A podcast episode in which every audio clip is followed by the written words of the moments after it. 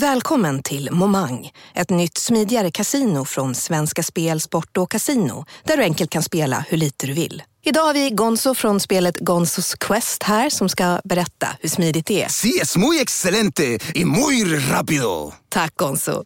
Momang, för dig över 18 år. Stödlinjen.se. Välkommen till Unionen. Jo, jag undrar hur många semesterdagar jag har som projektanställd och vad gör jag om jag inte får något semestertillägg? Påverkar det inkomstförsäkringen? För jag har blivit varslad, till skillnad från min kollega som ofta kör härskarteknik på möten och dessutom har högre lön trots samma tjänst. Vad gör jag nu? Okej, vi tar det från början. Jobbigt på jobbet. Som medlem i Unionen kan du alltid prata med våra rådgivare. Guarda che l'abbiamo, l'abbiamo, l'abbiamo sognato questo, stiamo, siamo qui in realtà. Vedo che anche Ferrara, anche Ciro piange. Cirusso Napoletano, lui se lo merita più di tutti. Noi, noi abbiamo fatto qualcosa, ma lui ha fatto gol, ha fatto, ha fatto una grandissima partita, lui se lo merita veramente.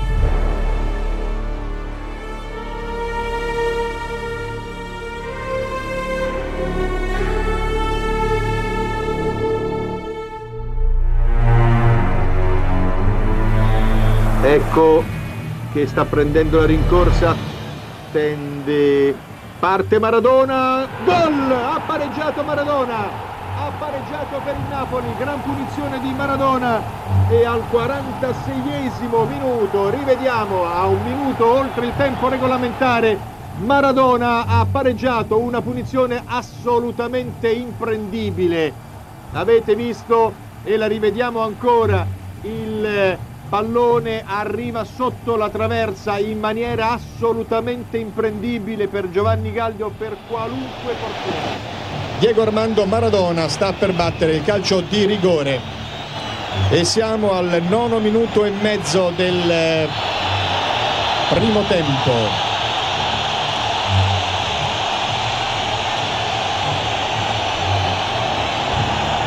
Tacconi va in porta mentre Maradona è da tempo pronto. Tiro, gol. Napoli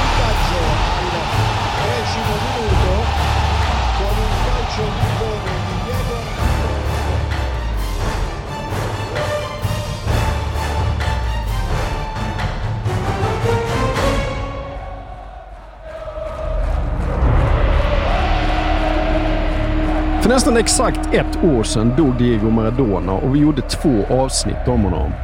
Ett om hans fantastiska VM 1986 och ett om hur han ordnade Napolis första scudetto 1987. Men hans historia är långt från färdigberättad och vi kommer då och då fortsätta gå igenom hans otroliga fotbollsliv. Idag ska vi ägna oss åt hans sista tid i Napoli som innehöll allt. Fortsatta framgångar men även totalt förfall. Allt typiskt för den största spelaren någonsin. Ja, och vi tar ju då upp den här historien igen sommaren 1987. Diego Maradona har just lett sitt Napoli till en historisk och minst sagt minnesvärd första scudetto. Men här tänker vi inte sitta och återberätta hur det gick till och här tänker vi inte introducera den säsongens huvudkaraktärer igen, utan ni får helt enkelt lov att utgå ifrån det avsnitt vi spelade in för ett år sedan och sen följa med färden framåt härifrån. Och någonting vi sa under de här två första avsnitten, det var ju det här med att efter VM-guldet 1986, ja, då gick den här superstjärnan från att vara Diego till att vara Maradona. Han gick i hög utsträckning från att vara en man, en fotbollsspelare, till att bli en myt. Och sommaren 1987, efter den här italienska ligatiteln, då vill jag väl nästan påstå att han gick från att vara en myt till att bli en gud. Han blev upphöjd ytterligare några nivåer till en stratosfär där jag vågar påstå att ingen annan fotbollsspelare tidigare hade befunnit sig. Och det finns ju oräkneliga exempel på hur den här kulten runt honom bara accelererade och accelererade under en exceptionellt intensiv tid. Vi kan väl till exempel ta den här om hur Diego Maradona befann sig på ett flygplan som landade i Neapel strax efter titeln. Och ni vet ju hur det kan vara över Neapelbukten. Det kan vara lite ryckiga sjöar och lite gropig luft. Och precis så ska det ha varit den här dagen. Och turbulensen som uppstår i en sån situation, ja, den kan vara obehaglig. Den kan vara riktigt obehaglig alldeles oavsett om man har lyssnat på några Chapecoense-avsnitt eller inte. Och i den här kabinen så ska ju en lättare panik ha hunnit breda ut sig. Och den ska ha fått fäste bland passagerarna tills då någon av dem helt enkelt ropade med förvissad och betryggande stämma att, nej men vadå, ta det lugnt. Ingenting kan hända, det förstår ni ju, för vi har ju Gud ombord. Ja. Och så gestikulerar han mot Diego Maradona och då slutar kabinen enligt skrönan att oroa sig. Istället så tar de upp en ovation för Diego Maradona och givetvis, det är klart att planet landar lugnt och stilla några minuter därefter. Sen finns ju också den här storyn om hur en sjuksköterska i Neapel ska ha dragit fördel av att ha tagit blodprov på Diego Maradona. Eller jag har dragit fördel av och dragit fördel av. Hon ville ju göra stadens befolkning en tjänst och därför såg hon ju till att ta vara på blodet som hon hade samlat i ett provrör. Och hon tog inte hem det för att spara och sälja i någon egendomlig hälarhärva, utan hon tog med sig blodet till stadens katedral. Och där vilar ju skyddshelgonet Januarius, ett skyddshelgon vars blod, ja, jag vet inte vad man ska säga att det gör, men det är upphov till någon sorts ceremoniell ritual ett par gånger varje år. För det här blodet, ja, det ska då ha liksom överlevt i århundraden. Och det är ju såklart stelnat, koagulerat. Men tre gånger om året, ja, då samlas Neapels troende för en sorts ritual där detta blod, enligt uppgift, ska bli flytande igen. Eh, det ska inte längre vara förstelnat. Och nu var givetvis idén som fanns att Maradonas blod skulle visa sig fungera på samma sätt. Det skulle koagulera med tiden, men därtill skulle ju säkert det också bli flytande när stadens invånare påkallade det. För så funkade det med det formella skyddshelgonet i januarius. Och nu, ja, nu skulle det väl bli likadant med det informella, det nya skyddshelgonet Maradona. Känns ju djupt oetiskt, gör det. ja, Men väldigt mycket Neapel väldigt, också. Väldigt mycket ja. Neapel. Och här kan man ju känna att det vore på sin plats med någon typ av eh, kontrollerande uppföljning. För det är inte så att jag har granskat hela den här ursprungsgrönan runt januarius. Jag har ju svårt att tro att det går till som det sägs. Mm. Att blodet har varit stelnat i 800 år eller vad fan det är frågan ja. om och sen går att väcka till liv tre gånger om året. Jag tror det skulle vara svårt att tro på att hon har tagit blodet, men det, det har, det som har jag inte svårt att tro på. Nej. Men jag har också väldigt svårt att tro på att ja, det då skulle ha, ha adderats till januarius-ritualen med samma goda effekt genom åren.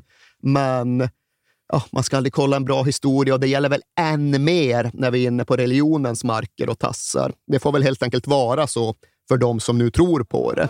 Has an ancient Catholic relic just given off a bad omen? That's what some church faithful believe in Naples, Italy. Three times a year, a vial of dried blood, said to come from the city's patron saint, San Gennaro, is put on display. When it liquefies, it is known as the miracle of San Gennaro. But when it fails, some residents see it as a sign of disaster to come. On Wednesday, despite hours of praying, priests said the blood was rock solid. Scientists say the substance inside the sealed vial appears to be dried blood, but they cannot explain why it sometimes turns into liquid and sometimes does not. Och trodde på Maradona, ja, det gjorde alla. Det gjorde hela Neapel med omnejd sommaren 1987. Och det är för den delen klart att även hela Argentina, så gott som utan reservationer, gjorde det under samma tid.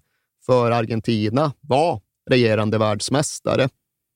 Hade bara gått ett år sedan den förtrollade sommaren i Mexiko och nu skulle ju allting vridas upp ytterligare ett tack. För sommaren 1987, ja då var det dags för Copa America på hemmaplan i Argentina. Men det skulle bli, visa sig bli en missräkning och uppriktigt sagt en ganska liten parentes i den här episka historia om Diego Maradona. För okej, okay, han inledde turneringen rätt bra för egen del. Gjorde tre mål i gruppspelet, men när det sen var dags för semifinal mot ärkerivalerna från Uruguay, ja, då fanns det inte riktigt någon kraft i vare sig laget som helhet eller ledstjärnan som skulle driva dem framåt. Det var ingen energi i prestationen från Argentina eller från Diego Maradona och Uruguay kunde stånga sig fram till en oväntad 1-0-seger. Och när vi tittar på den här turneringen och matcherna i efterhand, då går det faktiskt att med blotta ögat skönja att Diego Maradona, han var ju fysiskt slut. Mm. Till att börja med hade han kört ett år nonstop på extremt hög intensitet. Det hade liksom hänt en del under ett år då de först vann VM och Maradona därefter drev Napoli till den här titeln. Så han var nog mentalt ganska trött, men därtill var han ju fysiskt nerkörd, hade massa inflammerade muskler och problematiska senor och smärtande lemmar. Och därutöver så hade han en förkylning som utvecklades till bronkit och den fick han lov att spela med. Och det är inte helt enkelt med syreupptagningen. Och visst, här kan man ju undra hur är det egentligen? Kan man få luftrörskatarr av någonting annat än virus? Ja, det kanske man kan, men det blev inte riktigt utrett den här sommaren. Utan Diego Maradona fick lov att ja, men ändå summera ett sällsynt misslyckande och därefter återvända till ett Italien där situationen och styrkeförhållandena hade förändrats. För sommaren 1987, ja, då slog ju de stora fotbollsimperierna från norra Italien tillbaka och framför allt så var det ett av de som gjorde det med kraft. För säsongen dessförinnan, då Napoli hade vunnit, då var det ju alltjämt Juventus och Inter som var de stora utmanarna. Därefter var det faktiskt Hellas Verona som flög den norditalienska flaggan hela vägen till en fjärde plats. Och först därefter hittade vi AC Milan. Men saker och ting var onekligen satta i rörelse i den rödsvarta halvan av Milano. Silvio Berlusconi hade ju kommit in som ny ägare med en ny typ av ambitioner. Och under de senaste månaderna, ja, då hade ju han låtit värva två holländare för att göra ett rejält försök att återta tronen. Och de holländarna var ju, som ni alla vet, Rod Schüllit och Marco van Basten. Och med de spelarna i laget, då var det ganska enkelt att inse vart nästa säsongs stora hot skulle komma ifrån. Och Napoli, ja, de fick så gott de nu klarade av försöka rusta sig för sitt titelförsvar. Och rent sportsligt så hade ju två av de legendariska lagbyggarna från det förra avsnittet försvunnit. Kanske kommer ihåg de någorlunda distingerade gentlemännen Italo Allodi och Pier Paolo Marino som i hög utsträckning, eller egentligen i all fullständighet, hade byggt Napolis scudetto-lag. De var borta nu. Deras hälsa och deras ambitioner tillät dem inte att vara kvar. Och istället hade då en ny herre kommit in. En ny herre som kanske inte då hade distingerad gentleman som sitt tydligaste karaktärsdrag.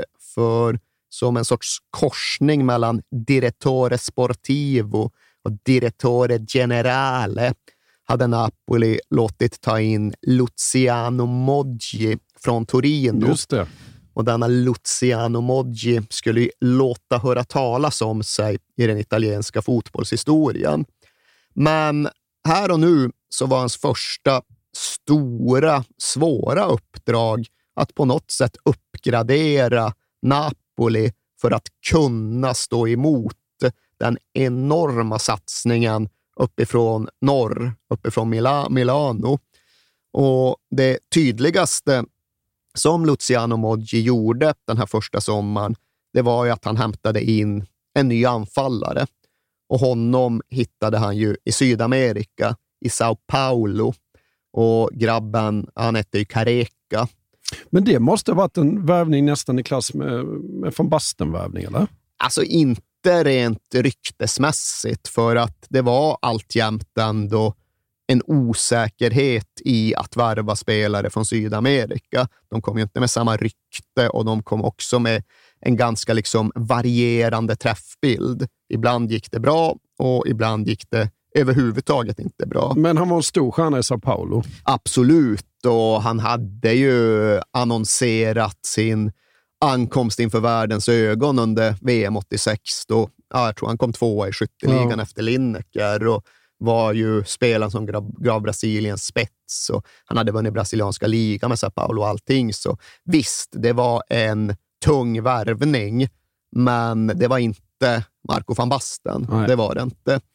Men det var ju om inte annat en spelare som skulle ge fotbollsvärlden sin dittills tydligaste och kanske än idag även mest effektiva akronym. För ja, men numera, vi har haft våra tremannakedjor som har fått sin, sina samlingsnamn. Vi har haft BBC i Real Madrid och vi har haft MSN i FC Barcelona. Grenoli. Ja, Grenoli, det får man väl också säga är eh, slagkraftigt och för den delen även en riktig föregångare. Men vi får nog ändå konstatera att det blev aldrig snärtigare och mer rättvisande än när Maradona tillsammans med Bruno Giordano och nya Careca formade ett tremannaanfall med då Maradona, Giordano, Careca, Magica. Ja. Det det ligger ju ligger rätt. Väldigt bra. Det får man ju säga. Och detta delvis nyformerade napolitanska anfall, det inleder den nya säsongen på bästa tänkbara sätt. Napoli vinner sina fem första ligamatcher och under dessa har de 12-1 i målskillnad. Och saker och ting verkar definitivt ha fallit på rätt plats.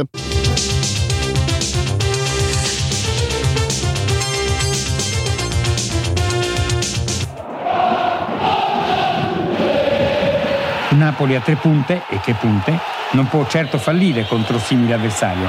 Così anche Careca, sempre in gol in Coppa Italia, mette a segno la sua prima rete in campionato, come Maradona. 3-0 dopo 45 minuti con un risultato che il Napoli dal derby con l'Avellino nello scorso campionato in primavera piena non otteneva più. Men sen kommer ju då de stora, stora, stora matcherna i september. De matcher som ska komma och forma egentligen intrycket av hela hösten, hela den här säsongen. Och de matcherna som fotbollsstaden Neapel har törstat efter så mycket under så väldigt lång tid. För som regerande mästare ska de ju till sist då få delta i Europacupen. Dåtidens Champions League, men mycket mer exklusivt än nutidens Champions League. Det var väl bara serieseger? Det var bara ja. mästarlag. Det var de titelvinnande klubbarna som fick plats och inga andra. Och Det hade väl både för och nackdelar. Det innebar ju att ja, när du lottades i en fri urna så kunde du mycket väl få de finska eller de albanska ligamästarna i det här tidiga skedet av turneringen. Och det är ju rätt tacksamt. Det är lite mindre tacksamt att lottas mot de mesta mästarna, Europas allra mest framgångsrika förening, Real Madrid. Ja. Och det var ju då det som drabbade Napoli. Och de skulle börja borta. Och att åka till Bernabéu, ja, men det kan kännas även för spelare som är vana vid frenesin på Sao Paulo. Men kanske skulle det ändå bli lite enklare att möta den här matchen än det hade kunnat vara i andra sammanhang, för Bernabéu skulle ligga tom. Ja. Real Madrid hade haft en Europacup-semi mot FC Bayern den här våren och den hade väl mer eller mindre urartat. Det hade kastats in golfbollar och bråte av alla de slag som gjorde att domaren var tvungen att bryta den matchen och det innebar då en Uefa-bestraffning som fick konsekvensen att Bernabéu skulle vara tom. Det skulle vara stängda läktare, ingen publik och därför ja, men en helt annan typ av inramning. Och kanske kan det tyckas bli en fördel. Kanske kan det även vara en nackdel för spelare som är vana vid Neapel. För just det där liksom hög stämning, frenetiska läktare, ja, det vet de ju hur man ska hantera. Men att, som fallet blev nu, spela i total tystnad, ja, det kanske var ännu svårare för dem att vänja sig vid. kanske blev en ännu större känsla av nytt och okänt. Och här blev det i alla fall så att Real Madrid vann El Partido del Silencio, tystnadens match, med 2-0. Och det var liksom, det var ingen självklar seger. Det var lite av maxutdelning för Real Madrid som gjorde ett mål på straff och ett annat tack vare ett självmål. Ahí está Mitchell, la pelota colgada, despejado la defensa, balón para Tendillo, Tendillo la pega, José Balón, gol, gol, gol, gol, gol, Tendillo, el balón rechazó dentro del área en varios jugadores y finalmente se coló en la portería de Garela. Yo creo que hay que darle la autoría del gol a Tendillo. pero el... Men det medförde ju såklart en väldigt, väldigt svår uppgift för Napoli i returen. Men vad de hade längtat efter just detta och vad de såg fram emot att välkomna Real Madrid till staden med allt vad nu detta innebar. Liksom det var ju den största fotbollsaristokraten som gick att föreställa Ja. sig. Och att bara få dem till sjaviga, skamfilade Neapel, ja, det var ju enormt i sig. Och både stad och arena mötte sannerligen upp. Den officiella publiksiffran tror jag var 83 000, Ja. men alla är ju överens om att det var lätt 100 000 där inne. Och när de väl piskade igång sin inramning, ja, då framstod det ett tag som att nej, det här kan inte ens Real Madrid stå emot. För gick, man gick det 6-7 minuter Ja. innan nya Modji-värvade ytterbacken Giovanni Francini tryckte in en egen retur.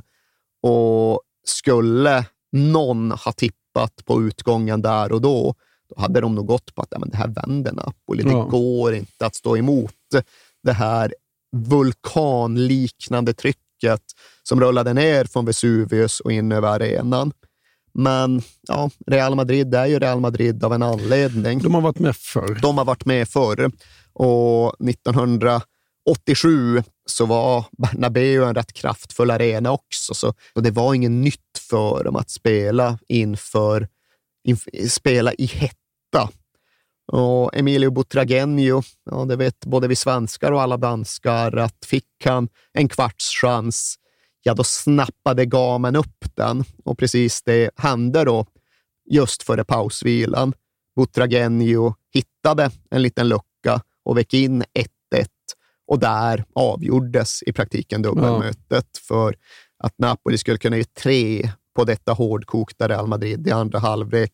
Ja, det var att begära för mycket. Och där kan man nog ändå säga att Napolis hela säsong, på ett sätt Napolis hela projekt, fick en annan kurs än det annars hade kunnat få. För ja, visst, det var inte Champions League med gruppspel och liksom 480 Lennart Johansson-miljoner, men det var alltjämt en väldigt lukrativ turnering att delta i. Ja, alltså det var ju väldigt viktiga pengar de gick miste om. Såklart, och det var ju ja, men delvis på grund av en väldigt oturlig lottning, en olycklig lottning. Och sen då ja, men ett utfall av två matcher som hade kunnat gå hitåt, som nu gick ditåt.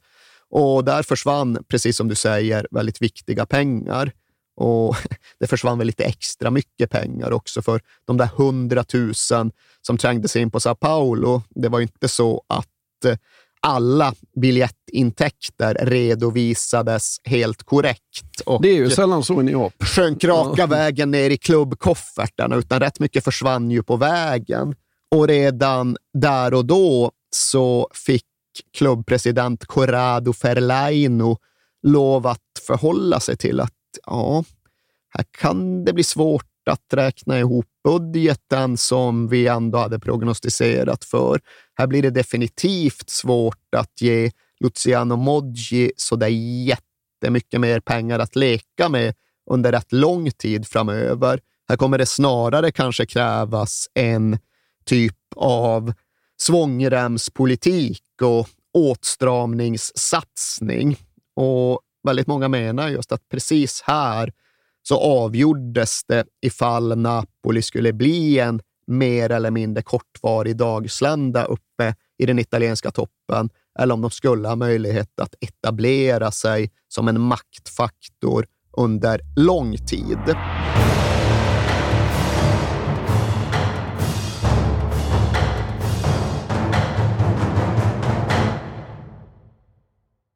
Jag vill inleda med att säga att det är garanterad jackpot på 13 miljoner på Stryktipset. Och fy fasen. Ja, visst. Skulle du behöva 13 miljoner eller? Ja, det skulle jag verkligen. Men vi måste säga först att vi är ju sponsrade av Stryktipset. Ett spel från Svenska Spel, Sport och Casino för dig över 18 år. Yes, och stödlinjen.se finns där för dig om du har problem med ditt spelande. Nej, men 13 miljoner ja. jackpot på Stryktipset, det är ju inte fel. Nej, då är det faktiskt dags att ladda en rejäl rad här känns det mm -hmm. som. Vet du vad som inte heller är fel? Nej. Födelsedagsfirandet och alla härliga mm. historier vi får in. Exakt, mm. för vi är ju mitt inne i Stryktipsets 90-årsfirande som vi firar med att läsa upp fantastiska historier från våra lyssnare yes. som skickar in dem till kings at perfectdaymedia.se. Precis, bomba på nu. Det är åtta månader kvar på det här firandet, så att, eh, vi kör nu. Mycket Stryktipshistorier vill vi ha mm. och i dagens har vi fått från Peter som skriver så här. Hej på er och tack för en helt otrolig podcast. Den har räddat mina veckor i snart fyra år. Tack så mycket Peter. Min historia är ganska färsk, men den om när det vände på stopptid gav kanske inte de största pengarna, men känslan i mig består. Jag spelar ofta för lite mindre pengar på Stryket, följer fotbollen men långt ifrån en nörd. Och allt såg väldigt bra ut senast, förutom på min etta på Manchester United mot Brentford. Mm -hmm. var, ändå väldigt, eh, var ändå väldigt nöjd med hur resten satt. Men på stopptid satte min nya favoritspelare, skotten McTominay, två mål och vändningen fullbordades. 64 rader blev 12 000 kronor. Tack för en bra podd. Det är podd. otroligt. Ja. Tack för en bra historia Peter. Ja, och som man älskar Scott McTominay. Gör man inte det? Ja, det gör man faktiskt. Han liksom kommer in i straffområdet jävligt bra faktiskt. Mm. Vi säger stort tack till våra vänner på Stryktipset. Tack.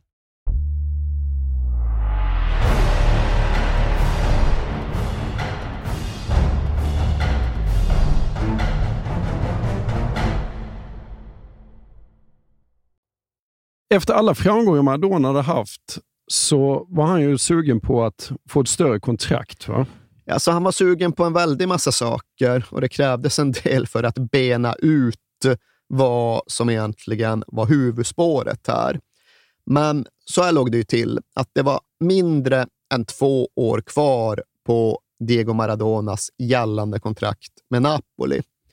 Och uppe i norr hade som sagt Silvio Berlusconi börjat spänna sina ekonomiska värvningsmuskler. Och för honom var inte pengar en faktor egentligen, utan för honom var det enda som räknades att få in de absolut bästa spelarna så snabbt som möjligt för att vinna så stort det bara gick. Så det är klart att Silvio Berlusconi började ju sniffa runt och förhörde sig om hur det egentligen låg till med den här kontraktsituationen. Och det är inte så att du bara kan snoppa av en nyfiken Silvio Berlusconi, utan Maradona och hans folk gick ju med på att träffa honom under just de här veckorna runt mötena med Real Madrid. Och där var det egentligen liksom bara ett, eh, vad säger man, ett förutsättningslöst möte. Det skulle sonderas terräng och undersökas möjligheter. Men trots att Maradona imponerades av Berlusconi och hans ambitioner så kände han ju ändå att amen, det går inte. Det är omöjligt för mig att flytta till Milano för ja, alla napolitanare kommer i så fall ändå driva mig ur landet. Så det kommer inte funka Silvio. Det är lika bra Nej. att vi kör med så pass öppna kort. Och de kommer paja för dig också Ja, Silvio. exakt. De, de kommer välta landet ja. över ända. Så det här är en övergång som inte låter sig göras. Men här ska det sägas att Diego Maradona, han hade ju skaffat sig en hyfsat ny agent. Ja. Sen sisådär ett och ett halvt år tillbaka hade han gått ifrån sin, ja, men sin ungdomspolare Jorge Sütterspieler eh, till en, ja, till en haj med lite bättre bett i käftarna. För den här Sütterspieler han hade ju mest bara drivit Diego Maradona mot ruinens brant. Han hade... Ja, men det var ju en barndomspolare bara som skötte lite grejer. Så. Som liksom inte alls var vuxen en sån uppgift och som liksom själv blev blåst när han skulle hindra Diego från att bli blåst. Och, ja, allt det där innebar ju att Maradona var bankrutt när han lämnade Katalonien ja. och kände att okej, okay, det blir ju inte riktigt bra det här. Så därför hade han inlett ett samarbete med en herre som heter Guillermo Coppola. Och det var ju mer av en, av en stekartyp. Ja. Liksom. Det hade kommit att bli det i alla fall. Han hade ju för inte heller kommit från aristokratin och de stora nedärvda pengarna. Men han hade ändå tagit sig från liksom Buenos Aires enklare kvarter till dess jetset. Han var en bankman som med tiden sadlade om till att bli fotbollsagent för han gillade både pengarna som fanns där och liksom glittret och glamouren som omgärdade fotbollsspelarna. Och när han började på den här stigen så ja, då svalde han ju allt som kom i hans väg. Varenda fotbollsspelare som ville ha hans hjälp blev liksom intagen i gruppen. Så han satt där med 200 argentinska fotbollsspelare och skulle företräda dem. Och några av dem var ju bra polare med Maradona, några av dem var landslagskollegor till Maradona och några av dem rekommenderade då denna Guillermo Coppola. Men Maradona han gjorde någon form av överslag och kom fram till den ganska rimliga slutsatsen att jag tänker inte bli spelare 203 i det här stallet. Så när han först eh, förhörde sig med Guillermo Coppola, eller rättare sagt när han erbjöd Guillermo Coppola ja, men att bli hans agent, slash manager, slash rådgivare, slash fixare, då var det ju på premissen att okej, okay, du får ta dina 202 spelare och så får du byta dem allihopa mot mig. Antingen så kan du köra på med alla dem eller så kan du välja att byta till enbart mig. Och både du och jag vet ju vart den bästa affären finns här. Och absolut, det insåg ju Guillermo Coppola så han spolade hela sitt gigantiska gamla stall och bytte till att enbart företräda Diego Maradona. Och Det skulle visa sig att det är en arbetsbeskrivning som rymmer rätt mycket. Jo. Det finns ganska mycket som behöver göras ifall nu Diego Maradona ska vara nöjd och belåten. Men här hösten 87, ja, då stod det ändå rätt klart att den stora, viktiga, lukrativa uppgiften, den gick ut på att uppdatera och uppgradera Diego Maradonas kontrakt. Och där hade de ju landat att visst, det är ju kul och intressant att lyssna på Silvio Berlusconi och hans Milan, men nej, det är kvar i Napoli som Maradona ska vara. Så det var egentligen bara hela utgångspunkten. Men då var ju då kruxet att Napoli inte hade särskilt mycket pengar och att de därtill redan riskerade att spräcka sin budget eftersom att det inte skulle bli något mer Europacupspel. Så hur skulle man då få den gamla gneten Corrado Ferlaino och ändå hitta en massa pengar som man egentligen inte hade? Men det var väl bara att spela lite förhandlingsspel. Det var väl bara att sätta press på honom. Det var mm. väl bara att utnyttja korten så som de nu hade fallit på bordet. Så Coppola han såg ju till att liksom hålla Milan och Berlusconi lite varma. Mm. Även om det i grunden var sagt att det inte skulle bli någonting, så lät han dem ändå tro att det kanske trots allt fanns en liten chans. Och i början av november 87, då åkte Napoli upp till Milano-trakten för att spela mot Como borta. Och möter man Como, då bor man i Milano. Då bor man, bor man på Hotel Brunn i Milano. Och där såg Coppola till att stämma ett nytt möte med Berlusconi och hans folk. Och han gjorde det på ja, men, vissa premisser. Han gjorde det på ett sätt som skulle bli noterat, upptäckt och uppmärksammat.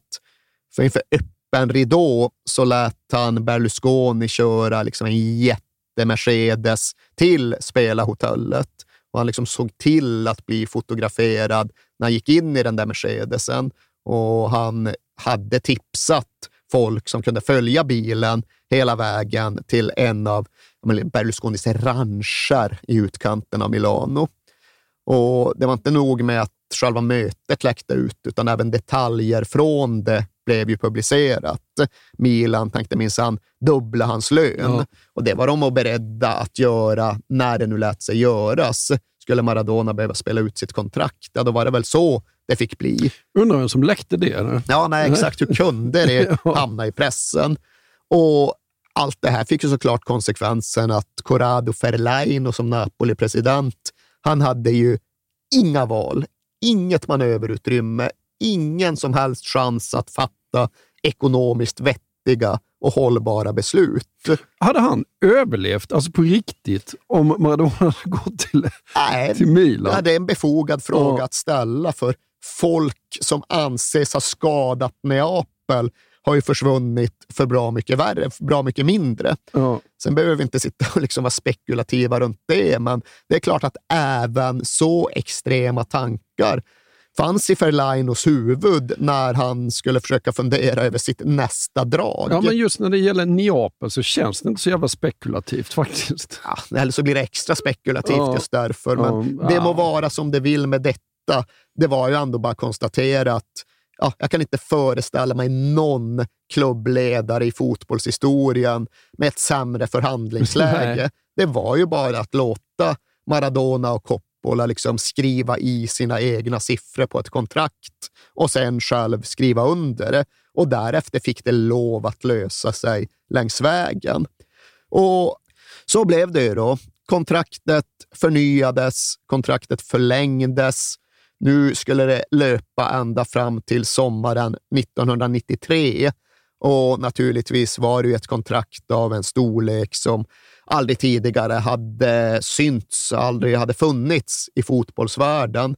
Och det finns inga exakta siffror och de som rapporteras pendlar hej vilt. Det är liksom allt från 25 miljoner kronor om året till 125 miljoner kronor om året. Men ifall man gör någon typ av utvärdering av allt som cirkulerar, så tror jag att det, det stannade vid var att Maradona fick 45, knappt 50 miljoner kronor om året i fast årslön. Och därtill fanns det såklart en massa bonusar och dessutom ja, men 20 till 25 miljoner spänn i ja, men kommersiella rättigheter, Ja. det som idag kallas för image rights.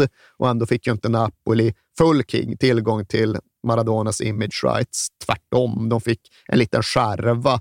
Och därutöver kunde Guillermo Coppola fortsätta bygga upp ett stort jäkla imperium med ja, Maradona-brandat skräp. Ja, Och det ja. var ju precis allt från ja, japansk öl till eh, ja, en massa liksom, sportkläder och eh, radioshower, tv-program. Himlarna vet allt. Men det här var ju såklart en historisk ekonomisk triumf för en fotbollsspelare och hans stab. Och det var inte så att de var liksom ödmjukt undfallande runt det faktumet. Coppola var ute och trummade om hur allt det här innebar att Maradonas barn skulle kunna äta kaviar i resten av Ja. sina liv. Och ja, Det var ju i sig en underdrift. Liksom, det är väldigt många fler än Maradonas barn som skulle kunna äta ännu mycket dyrare än kaviar, men det var ju ändå en signal. Ja, men han levde ett ganska dyrt liv också. Jo, men eh, så här mycket pengar skulle väl inte ens han kunna bränna. Men den absolut viktigaste konsekvensen av detta skeende, det var ju att det etablerades en maktbalans i och runt Napoli, där det var uppenbart för alla att Maradona var viktigare än Fellaino. Att spelaren såklart var mycket större än presidenten. Och som Coppola sa i något annat sammanhang med en axelryckning, ja, vadå då? Det är klart, ett geni har ingen chef. Nej. Och där någonstans eh, befann sig absolut Diego Maradona när 1987 skulle gå över i 1988. Han var ett geni utan chef. Han var fotbollsvärldens genom tiderna bäst betalda. Han hade en maktposition i och runt sin klubb som saknade motstycke och han, han förde sig därefter. Så fort han gick utanför lägenheten så hade han ju en, ja, men, en obligatorisk och berättigad poliseskort. Maradona ska eventuellt försöka handla. Det gick ju inte, men säg att han skulle göra det någon gång. Ja, men det är tre motorcykelpoliser runt honom. Maradona ska på träning, tre motorcykelpoliser. Maradona ska på match, då var det väl sex motorcykelpoliser. Ja. Det var en sån apparat han både betingade och behövde.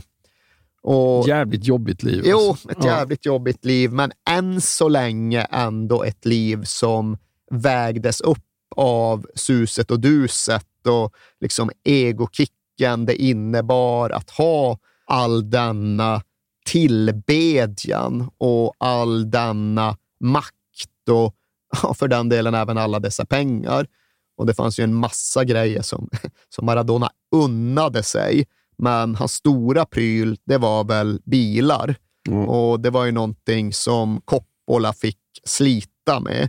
För det var som Coppola någon gång sa, att ja, men ifall Maradona kommer till mig och vi är i mitten av öknen och han ber om grodor och musslor och provencialvin, ja, då får jag se till att fixa det till mitten av öknen. Det var liksom inte så att eh, ja, nej var inte ett alternativ när Maradona bad Coppola om att styra upp någonting. Och i och med att hans huvudsakliga prylintresse kretsade runt bilar så var det ju rätt många bilfabrikanter som Guillermo Coppola fick lov att smörja. Och här kan ju inte jag så jäkla mycket om de olika bilmodellerna, men jag vet ju i alla fall att det någon gång var någon Mercedes som Maradona ville ha och den fanns överhuvudtaget inte på den italienska marknaden. Den var väl bara lanserad i Tyskland, antar jag. Men det var ju inget hinder som inte Coppola fick lov att manövrera. Han fick lov att släppa ner denna oåtkomliga Mercedes och kunde sedan stolt och glatt eh, eh presentera den, överlämna den till Diego Maradona som kommer ner, kollar lite på den med viss entusiasm ändå, tills han inser att den bara har automatlåda. Och det gillade tydligen inte Maradona. Så då ryckte han bara på axlarna. Bara, här, det var ju skit det här. Och så drog han. Och just den där bilimporten hade väl Coppola slitit med i någon månad eller något i den stilen. Och det här ja, men det blev ju också aktuellt i samband med själva kontraktsförlängning med Napoli. För det där med liksom sign-on-bonusar och sånt, det kunde han väl ha och mista. Det fanns tillräckligt mycket ekonomi i kontraktet ändå. Men det är klart att han ville ha någon liten guldkant på själva signeringen. Ja. Han ville ju ha liksom en add-on. Och det han då hade fått för sig, det var att han ville ha en speciell Ferrari. Han Ferrari F40. Ja, exakt. För Ja. vissa säger att det var en Testarossa, Nej. men det har jag förstått att det inte var. Nej, han hade det- väl haft Testarossas tidigare. Testarossa fanns det fler av. F40 fanns typ en av. Och det det därtill var frågan om, om jag förstår saken rätt, eller han ville ju ha en F40 som var svart. Ja. Och jag fattar inte ifall det fanns en massa röda F40s och bara en annan svart. Nej. Eller om det här skulle bli den första F40 som var svart. Men det var i alla fall i praktiken en bil som inte existerade. Och jag fattar inte ifall det här är rimliga siffror eller inte, för den sägs ha kostat 430 000 amerikanska dollar. Det skulle då innebära knappt 4 miljoner spänn 1987. Kan en Ferrari ha kostat så mycket? Eh, Jag skulle snarare vilja säga, kan, kan just den Ferrarin ha kostat så lite? Okej, skulle jag säga. Ja. Ja, men då, då jämkar vi väl ihop Om den de är så ovanlig. Ja. Ja, men 4-5 miljoner spänn i liksom Ja. någon form av realvärde som såklart aldrig behövde betalas, utan det här var ju bara någonting som skulle dyka upp. Jag tror också att det var så att när det där realvärdet ändå skulle omsättas i någon form av... Ja, men, men någon ska, Maradona ska inte pröjsa, någon ska ändå pröjsa, men Napoli får pröjsa. Då hade det plötsligt nästan fördubblats, att de till slut fick betala nästan 10 miljoner Ja, spänn. ja. Och då närmar man väl sig dina siffror. Ja. Men Ferlaino, han satt ju där bara, ja, alltså jag måste göra det som nu behöver göras. Det är väl bara att betala.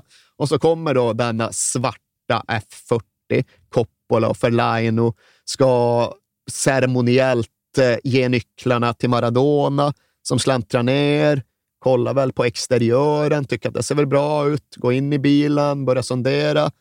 Vart fan är stereon? Jag menar, alltså, det här är en racingbil. Ja. Du, inte fan vet jag, du kör Le Mans 24 timmars lopp med den här bilen. Den har ingen stereo.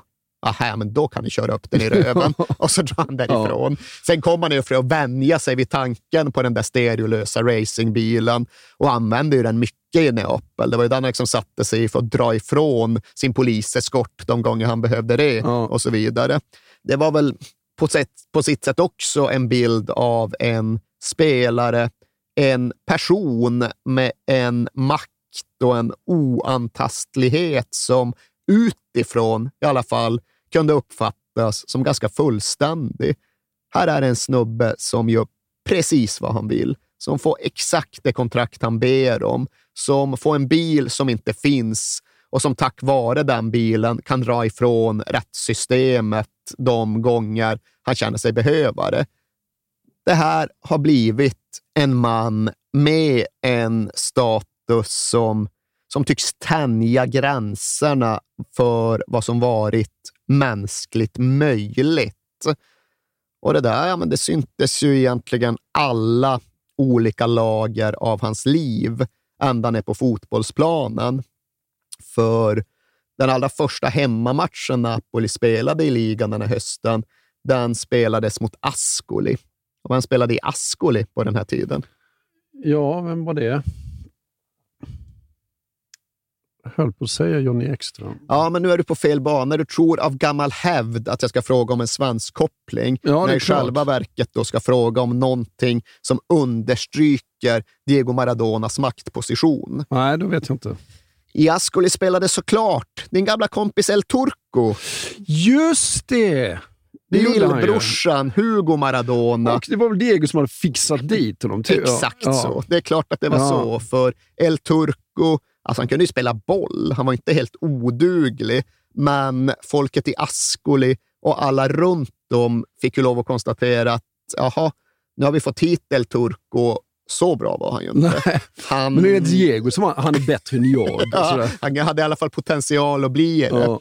Men eh, ja, det blev ju inget stort genomslag för El Turco i Serie A. Han fick ju då möta Diego i, jag tror han i alla fall gjorde ett inhopp mot Napoli borta, men sen blev det ja, men ett knappt dussin matcher och givetvis noll mål. Ja. Och en situation som med rätta såg som ytterligare ett utslag för Diego Maradonas makt och möjligheter.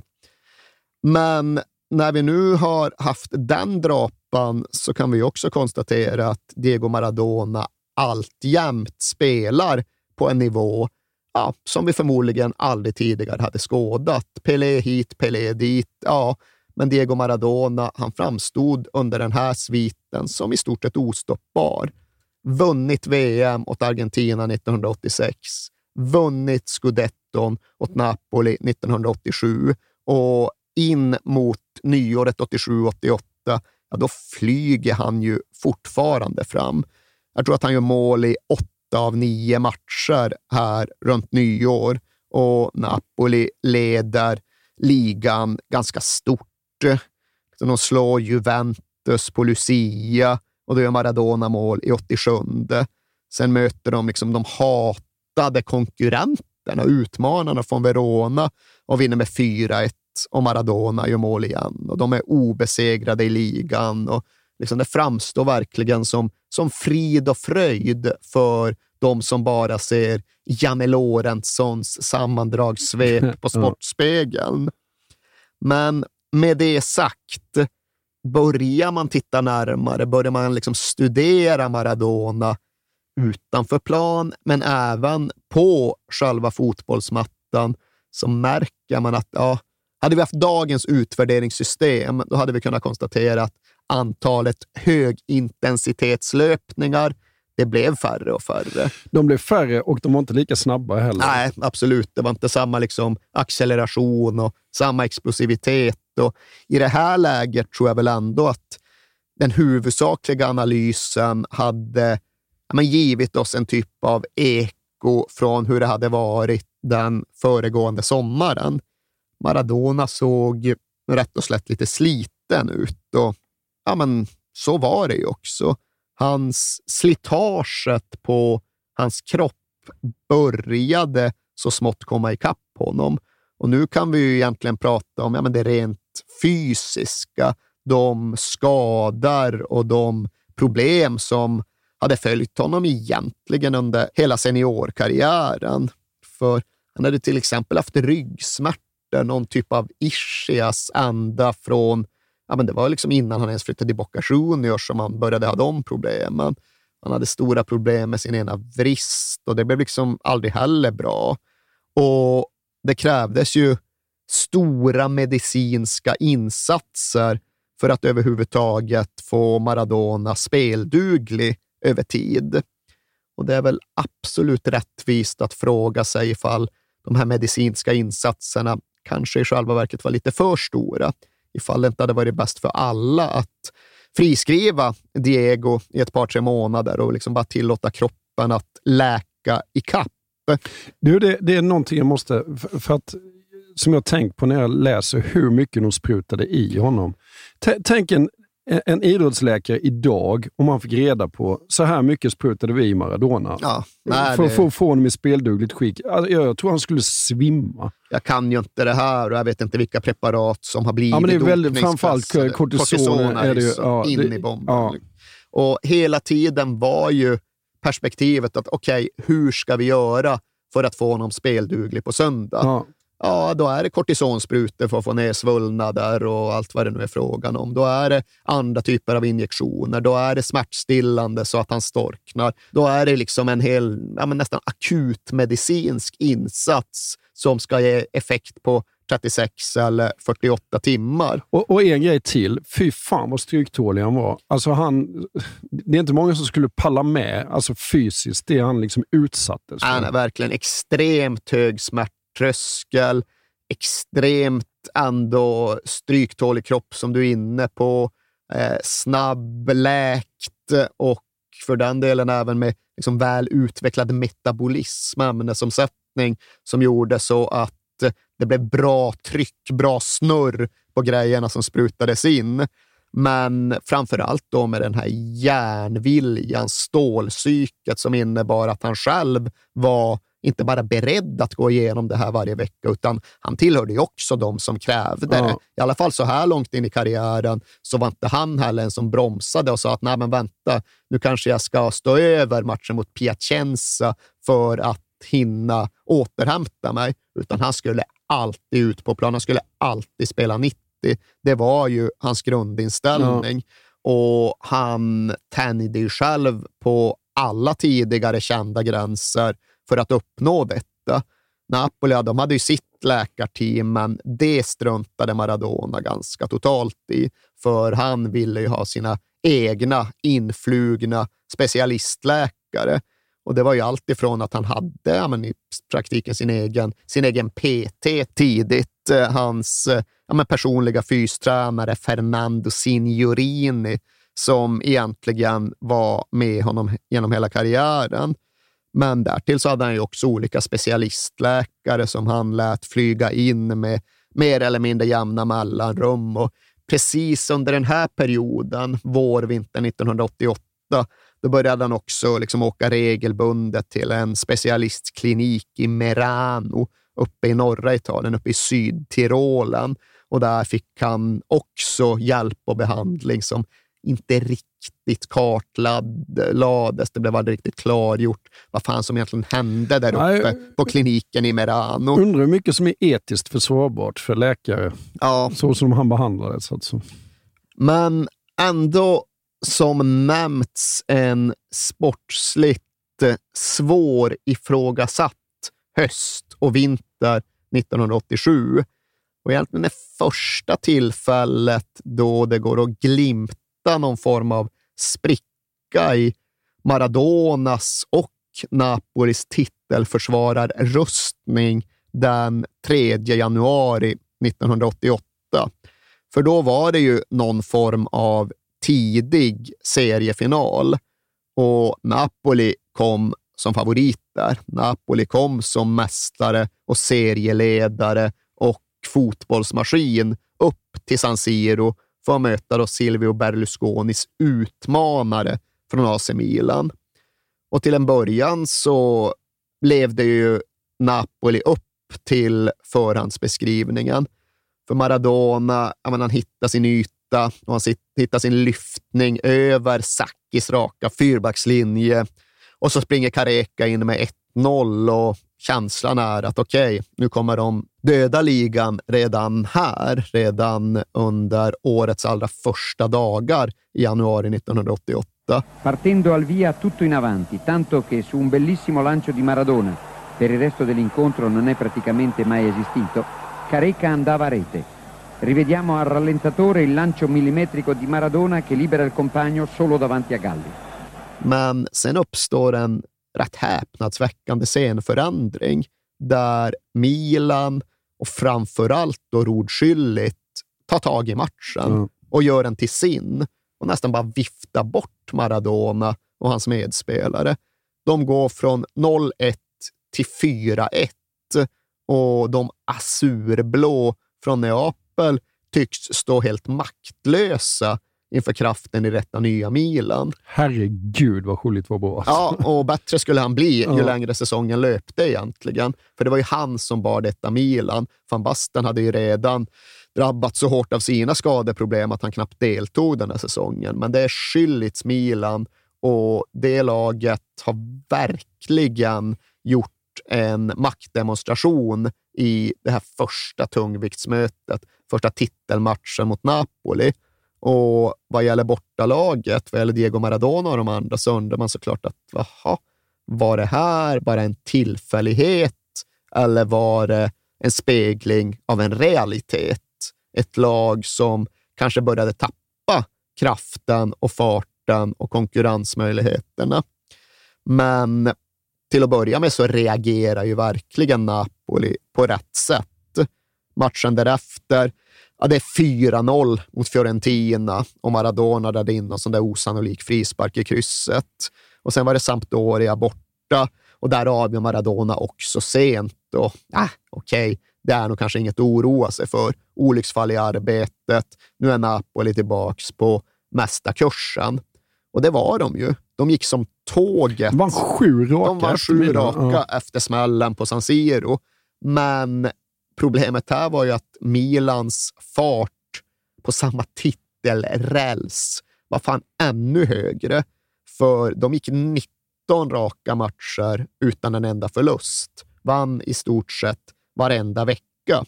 Så det var ett race med två titelhästar där båda skenade på i väldigt högt tempo. Men där då Maradona och hans Napoli ändå tycktes allra snabbast och allra starkast.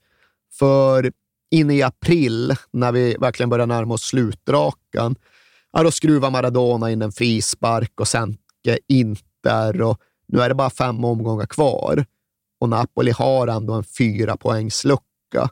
Och det här är på den tiden då en seger bara gav två poäng. Så alltså, det här kommer de inte tappa. De har ju bara förlorat någon enstaka poäng under hela den här säsongen. Så att de ska liksom börja kasta resultat omkring sig under den sista månaden, det framstår som ganska osannolikt, eller det framstår som helt osannolikt. Det här kommer de att fixa. Det är bara att hålla tempot någorlunda på slutrakan och så räcker det. Men ja, då börjar det ju uppstå matchresultat och för den delen även prestationer som får Italien att haja till och som får tabellen att förändras.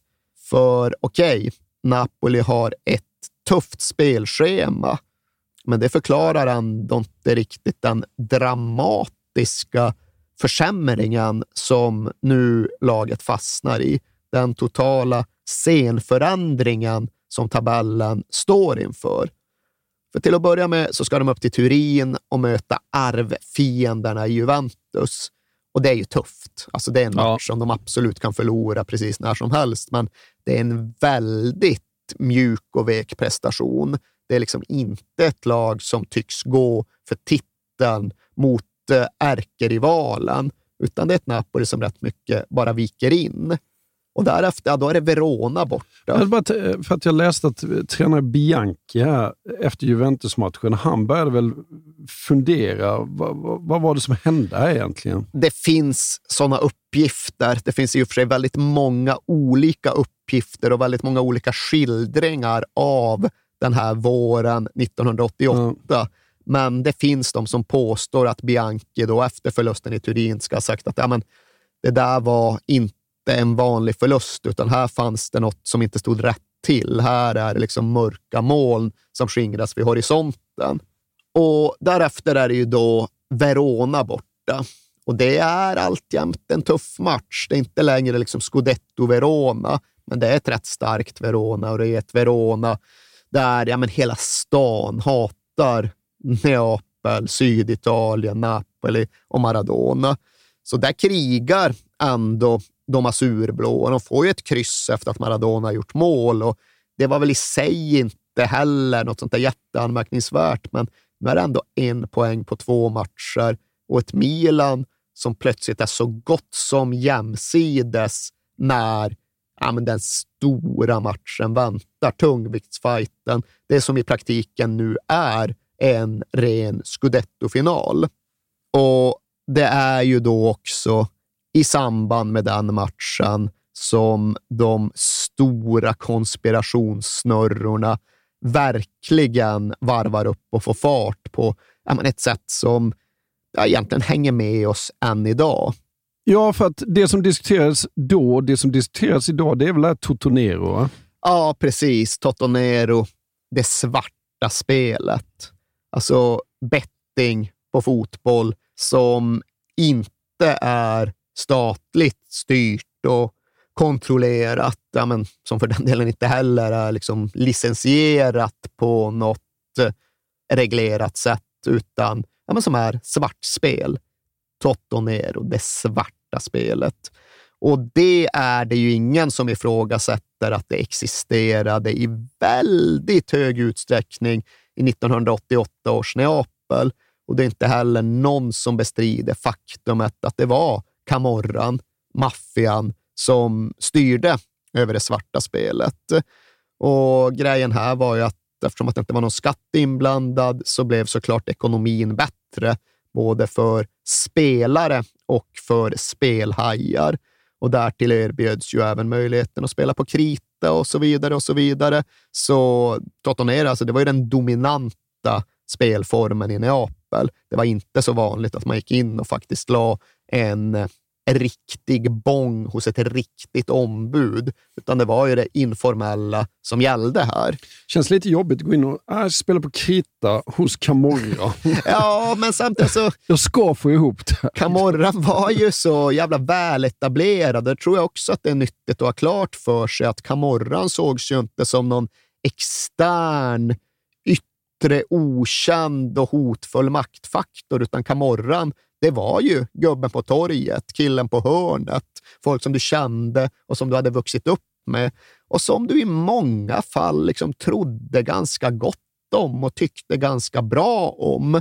Camorrans hela existens och funktion och kraft gick ju att spåra till just det här att ja, men det var en så självklar del av livet i Neapel en så etablerad del av livet i Neapel. Det var liksom bara en institution bland andra och det var absolut inte givet att den vanliga invånaren i Forcella tyckte att det här var en mer korrupt eller mer problematisk institution än någon annan. Liksom det var många där som såg dem som mer rättvisa och liksom mer till för folkets bästa än de statliga institutionerna. Ja, alltså du gick inte till polisen utan du gick till din lokala ja, och, snubbe där, så hjälpte de dig. Och du gick dit även när du hade spelat på krita och siffrorna såg köriga ut, eller för den delen när du hade spelat och dragit in en stor vinst, för du hade full tilltro till att du kommer få det som är ditt. Ja. Det fanns ingen skräck för att ja, men Camorran pröjsar inte min spelvinst eller Camorran ger mig inte den frist som är överenskommen, utan det fanns en tro på att Camorran gjorde rätt för sig gentemot folket som faktiskt bodde i Neapel. Däremot gillade inte Camorran att förlora pengar. Det gjorde de inte och det är ju här då som hela kärnan i den här väldigt utbredda konspirationsteorin ändå ligger. För det som sägs är ju att Camorran redan hade torskat en jävla massa pengar på sitt svartspel under den föregående säsongen. Då hade de erbjudit 13 gånger pengarna på en scudetto till Napoli. Och ja, Det var ett högt odds, men Napoli hade ju aldrig vunnit scudetton. Nej. De skulle aldrig tillåtas vinna scudetton gentemot imperierna uppe i norr. Och fanns väl en gräns även för hur långt Maradona kunde dra dem. Men som vi vet så vann ju Napoli den scudetton och redan då viskades det om att ja, får se om de verkligen kommer tillåtas göra det. För okej, okay, liksom, de här stora fotbollsklubbarna i norr, ja, de vill stoppa dem med alla tillbudstående medel, men fan vet de inte Camorran också kommer vilja stoppa dem? För vill de bli av med 260 miljarder lire, som det då påstods handla om kring den här första scudetton? Ja, det ville de ju inte, men bevisligen så vann ändå Napoli. Så där tuggade de väl helt enkelt i sig den, den ekonomiska förlusten och tog igen rätt mycket på att fixa fram merch och ja. på att ordna gatufester och liksom ta över hela stan under firarsommaren 87. Men nu var det då samma läge igen och det är om något uppjackat. För den här andra säsongen, den säsongen vi är inne i nu, då ska Camorran visserligen bara erbjudit fem gånger pengarna på en ny scudetto för Napoli, men ännu många, många fler ska ha hoppat på. För liksom en napolitanare med självförtroende och övertygelse, det är en napolitanare som inte direkt tvekar, utan hela jävla stan hade ju satsat både sitt kyrksilver och sin bankbok på att Napoli skulle vinna igen. Och så lite på krita också. Ja, mycket på krita. Och nu började det bli liksom kritiskt till och med för en så pengastark organisation. Liksom skulle de betala ut för titel en gång till till prick hela stan, ja, då skulle nästan även deras informella ekonomi börja gå på knäna. Så här finns ju då hela den här idén om att äh, Napoli skulle aldrig vinna en säsong till, för det skulle inte tillåtas. Och vem är det som inte tillåter det? Det är ju alltid så att ja, men vilka är det egentligen som drar i trådarna? Vilka ligger bakom konspirationen? Ja, men det är Bastardi ja, men vilka är det egentligen? Ja. Är det liksom fotbollsdomare eller är det maktmän? Eller, det preciseras så gott som aldrig. Det är bara de, Ja. de där uppe. Men den här våren så preciseras det. Ja, men det är Camorran. Ja. När allt kommer kring så är det de som kommer att eh, försäkra sig om att Napoli inte kan vinna, för det är en ekonomisk omöjlighet för dem. Och här är det väl också ganska välbelagt att ja, men det börjar hända saker runt Napolis spelartrupp under den här våren. Det var mer eller mindre förtäckta hot som dök upp. Det var någon som slog sönder en av Maradonas Porsche-bilar och sen var det någon som misshandlade mittfälten Salvatore Bangi. Och det tycks väl inte ha varit direkt uttalat vad det där handlade om, men saker och ting behövde inte alltid vara direkt uttalade i Neapel för att avsändaren och dess avsikter ändå skulle vara välkända. Och det ska ju också liksom, allt, det, allt det här är ju egentligen, det är bara visklekar och ryktessnurror och folksägner. Men det ska ju ha dykt upp så här brev till spelarna, till framförallt de napolitanska spelarna, där det hotades att det, liksom, det skulle grävas upp döda släktingar från kyrkogårdarna och deras kroppar skulle försvinna. Och ja, allt vad fan det nu var. Men oaktat allt detta så kan vi ändå säga att ja, några camorranister hit eller dit, några maffiaorganisationer möjligen förbisedda, så ville ju staden Neapel fortfarande vinna. Ja. Ja, dess invånare hade satsat på vinst på Totonero, men de ville såklart även vinna på planen, sportsligt. Bevisa att det inte var någon engångsföreteelse, utan att makten i Italien verkligen hade förskjutits. Så när väl AC Milan kommer till Neapel för att spela den här titelmatchen, vi kan lugnt säga att stan är på fötter för att ta emot. Och det här gick vi ju igenom i Milan-avsnittet ju. Det här var vi inne på då, ja. Precis. Så jag kommer inte ihåg exakt vad vi redogjorde Ja, för. men de hade ju jobbig natt på hotellet. Jo. Ja, det var ju en Ja. militär Ja. operation för att de överhuvudtaget skulle komma dit. Och det var ju två separata flygplan. Ett med spelartruppen och så ett med all utrustning, framför allt då med de förnödenheter. All mat. All så mat, att det ja, men- förgiftas. Ja, Ja, och- vilket, vilket då var en helt Ja. liksom, berättigad farhåga. Ja, de skulle inte dricka något napolitanskt vatten, inte äta någon napolitansk mat. De skulle bara sköta sig själva. Och Berlusconi och liksom Galliani, och de, här, de var ju förutsedda, det var ju skickliga organisatörer. Så även om det var lite körigt utanför det där hotellet så hade de ju bokat in sig på hela 25 våningen. Ja. Och du ska kasta ett ägg ganska högt ifall du ska Jo. upp till den 25 våningen. Du ska skjuta en fyrverkeri med bra kraft ifall du ska tajma liksom briserandet till precis utanför de fönstren. Inte så att de inte försökte. Nej, det är verkligen Nej. inte. Och liksom när de närmade sig hotellet med spelarbussen, då, ja, det var ju någon form, Det går inte att kalla det för ett bakhåll när det består av 10 000 pers, men det var ju verkligen så att ja, 10 000 hade samlats för att bombardera buss och spelare med bråte av alla de slag. Så det var verkligen evakuering in och ut från spelarbussen till hotellet. Och ja, själva matchen har vi ju då nämnt i ett annat sammanhang, men vi ska såklart beröra den igen, för det är ju en full karate-klassiker. Ja. Det är en av 1980-talets stora Serie A-matcher. Och det är ju inte minst då dagen ja, men då AC Milan tar över i den italienska toppen, dagen då maktskiftet faktiskt fullbordas. Och detta trots att första halvlek, jag ska inte kalla den jämn, för Milan är klart bättre och Milan tar ledningen. Men Napoli har ju Maradona och Maradona hade dit en otrolig frispark strax före paus. Och så långt ändå allt väl med ljusblå ögon. Ecco che sta prendendo la rincorsa, tende, parte Maradona, gol! Ha pareggiato Maradona, ha pareggiato per il Napoli, gran punizione di Maradona e al 46esimo minuto, rivediamo, a un minuto oltre il tempo regolamentare, Maradona ha pareggiato una punizione assolutamente imprendibile.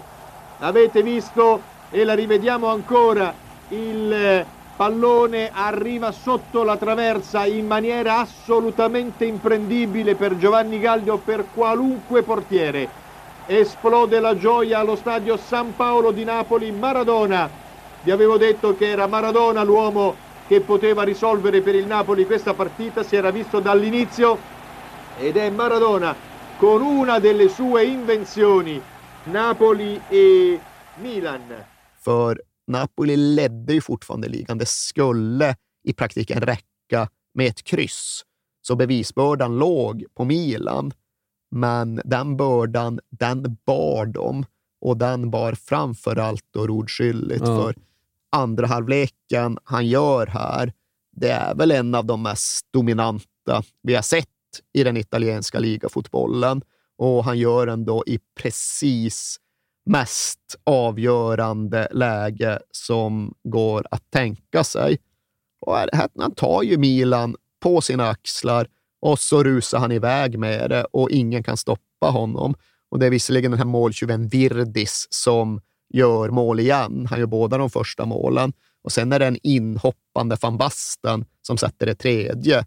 Men van Basten, han sätter ju bara foten till mål. och stöter in i ett tomt mål efter att Rudskylligt har liksom accelererat förbi hela Napolis försvar och gett honom, gett honom den passningen. Ja. Så det går liksom inte att säga någonting om utfallet utifrån hur det har sett ut nere på planen. Det blir 3-2 till slut och om något är väl de segersiffrorna väl små sett till hur Milan och Schüllit dominerade.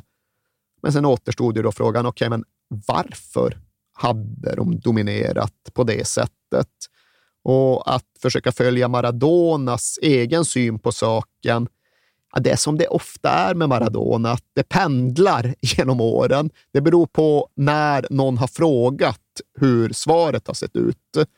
För först så tycktes han ju då antyda någon form av skuggiga oegentligheter. När han pratade direkt efter matchen, då är det mycket snack om hur en Fiat 500 aldrig kan vinna ett race över en Ferrari. Och då går det att fråga, men menar han då att Milan har kunnat uppgradera sin spelartrupp så mycket? Eller menar han att det är någon form av stallorder? Eller vad syftar han på här egentligen? Men när han sen ja, men skulle verkligen formulera sig med eftertanke, och nu är vi långt senare, nu är vi när han faktiskt skrev sin andra självbiografi, som på något sätt blev hans eget bokslut, ja, då köpte han inte alls in sig på det konspiratoriska, utan då var det ju tvärtom så att ja, men, han var sur på Bianchi, vilket han var mest hela tiden, i alla fall i slutet av sitt liv. Det där kommer ju också att fluktuera lite över tid. Men mot slutet av ja, då var han sur på Bianchi. Bianchi var för gnetig, Bianchi var för defensiv och nu hade den där alla Bianchi petat Giordano och det är klart att det går åt helvete då. Och dessutom menar Maradona, men de hade gått runt på så tunn trupp, så få spelare. Nu var både han själv fysiskt slut och egentligen hela mittfältet var fysiskt färdigt. Så därför kunde skylligt bara diktera med sin kraft. Därför så föll Napoli igenom så totalt under den här säsongens sista månad. Det handlade om en lite för gnidig tränare och en för hårt ansträngd spelartrupp och det var det vad Maradona beträffade. Han ville inte höra talas om något annat när han väl själv skulle summera och ja, själv kom han ju inte ut på plan igen den här säsongen. Han Nej. spelade inget mer för att ja, det gick liksom inte. Han pallade inte. Ligan var redan förlorad och ja, han vann skytteligan. Han hade varit otrolig sett i hela säsongen, men det var ändå en ganska klen tröst för en klubb som hade haft en fyra poängsledning med fem omgångar kvar och som därefter tog en enda poäng på de där fem avslutande omgångarna. Och frågorna slutade inte snurra. Var det verkligen då som Maradona sa, en lite för försiktig tränare och en lite för trött spelartrupp? Eller var det något annat? Och ja, men här finns det inga klara, definitivt trovärdiga svar och förklaringar, utan här får man ju lite välja vad man själv tycker verkar vettigt utifrån alla de olika versioner som finns. Och du nämnde tidigare det här med att ja, men Bianchi ska ha börjat misstänka Ja, men han var, gjorde väl det Turin. ännu mer efter detta? Va? Det beror också lite på vilken skildring av Bianchis tankevärld du tror på. Det finns ju kanske framför allt då en bok som har blivit väldigt tongivande. Jag tror att det bland annat är den du har läst, den som heter Once upon a time in Naples av John Ludden. Den bok som ja, men i allt väsentligt var förlagan till den Maradona-dokumentär som är en jätte, jättebra film. Jag tycker faktiskt boken är jävligt bra också. Den är bra, men den är ganska yvig i sina antaganden. Ifall man gör en typ av journalistisk genomlysning av den där boken, då kan man ganska snabbt märka att ja, John Ludden slår fast saker som han i alla fall inte underbygger i boken, Mm. utan det är bara liksom att ja, nu hände det här och det berodde såklart på detta.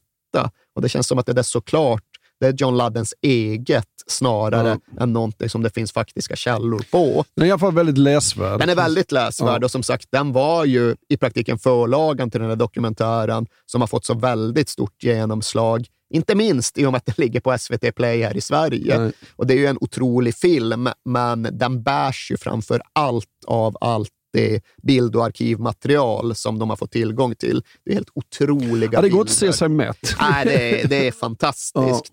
Men just den här... Ja, det är ännu tydligare i boken än i filmen, att där är någonstans hela bokens kärna. Att Camorran svek sin stad och fick därigenom en grupp Napoli-spelare att svika sitt lag, vilket i sin tur fick konsekvensen att sprickan mellan Maradona och Neapel blev så stor att den aldrig riktigt läkte igen. Det är i mångt och mycket huvudtesen för hela den boken och jag tycker inte riktigt att den underbyggs på ett sätt som får mig att köpa den hela vägen. För i den här boken då slås det också mer eller mindre fast enligt John Ludden att äh, men det ska ha varit målvakten Claudio Garella, backen Moreno Ferrario, mittfältaren Salvatore Bagni och centern Bruno Giordano som ska ha lagt sig mot. Milan. Det är i alla fall det Bianchi ska ha bestämt sig för enligt boken. Och visst, flera av de här spelarna hade en skuggig historia. Bruno Giordano, han hade ju redan varit avstängd i två år efter, efter en tidigare Totonero-härva.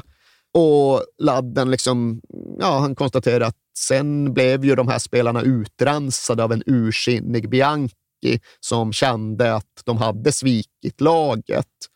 Och det är möjligt att det var så, men den etablerade versionen, den som finns underbyggd i en väldig massa andra källmaterial, det är ju att just de här fyra spelarna stod bakom, var de drivande när en del av truppen helt enkelt lämnade in en formell skrivelse till klubbledningen om hur de ville ha Bianchi sparkad eftersom att han var för negativ.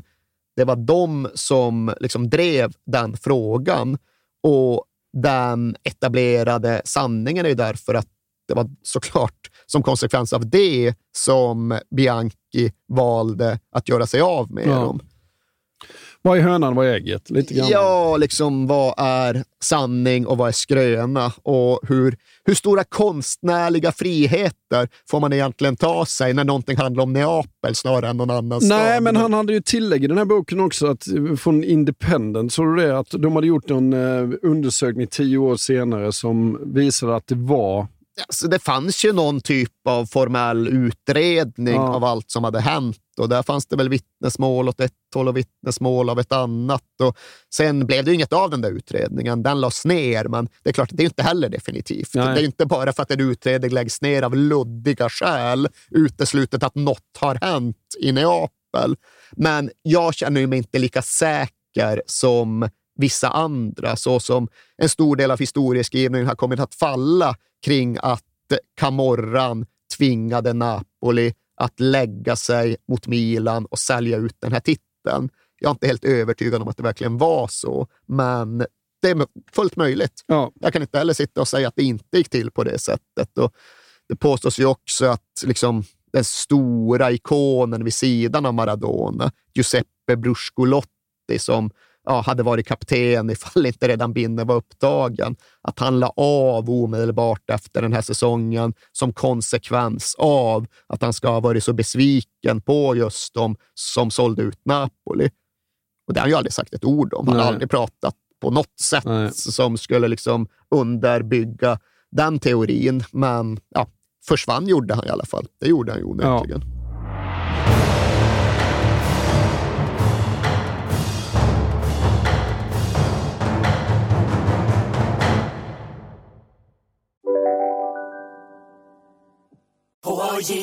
På Sveriges största jackpot-kasino går hypermiljonen på högvarv. Från Malmö i söder till Kiruna i norr har hypermiljonen genererat över 130 miljoner exklusivt till våra spelare. Välkommen in till Sveriges största jackpot-kasino, hyper.com. 18 plus, regler och villkor gäller. Ja, Hallå? Pizzeria Grandiosa? Jag vill ha en Grandiosa capriciosa och en pepperoni. något mer? Med kaffefilter. Ja, Okej, ses samma. Grandiosa, hela Sveriges hempizza. Den med mycket på. Just nu till alla hemmafixare som gillar julast låga priser. En slangvinda från Gardena på 20 meter för vattentäta 499 kronor. Inget kan stoppa dig nu.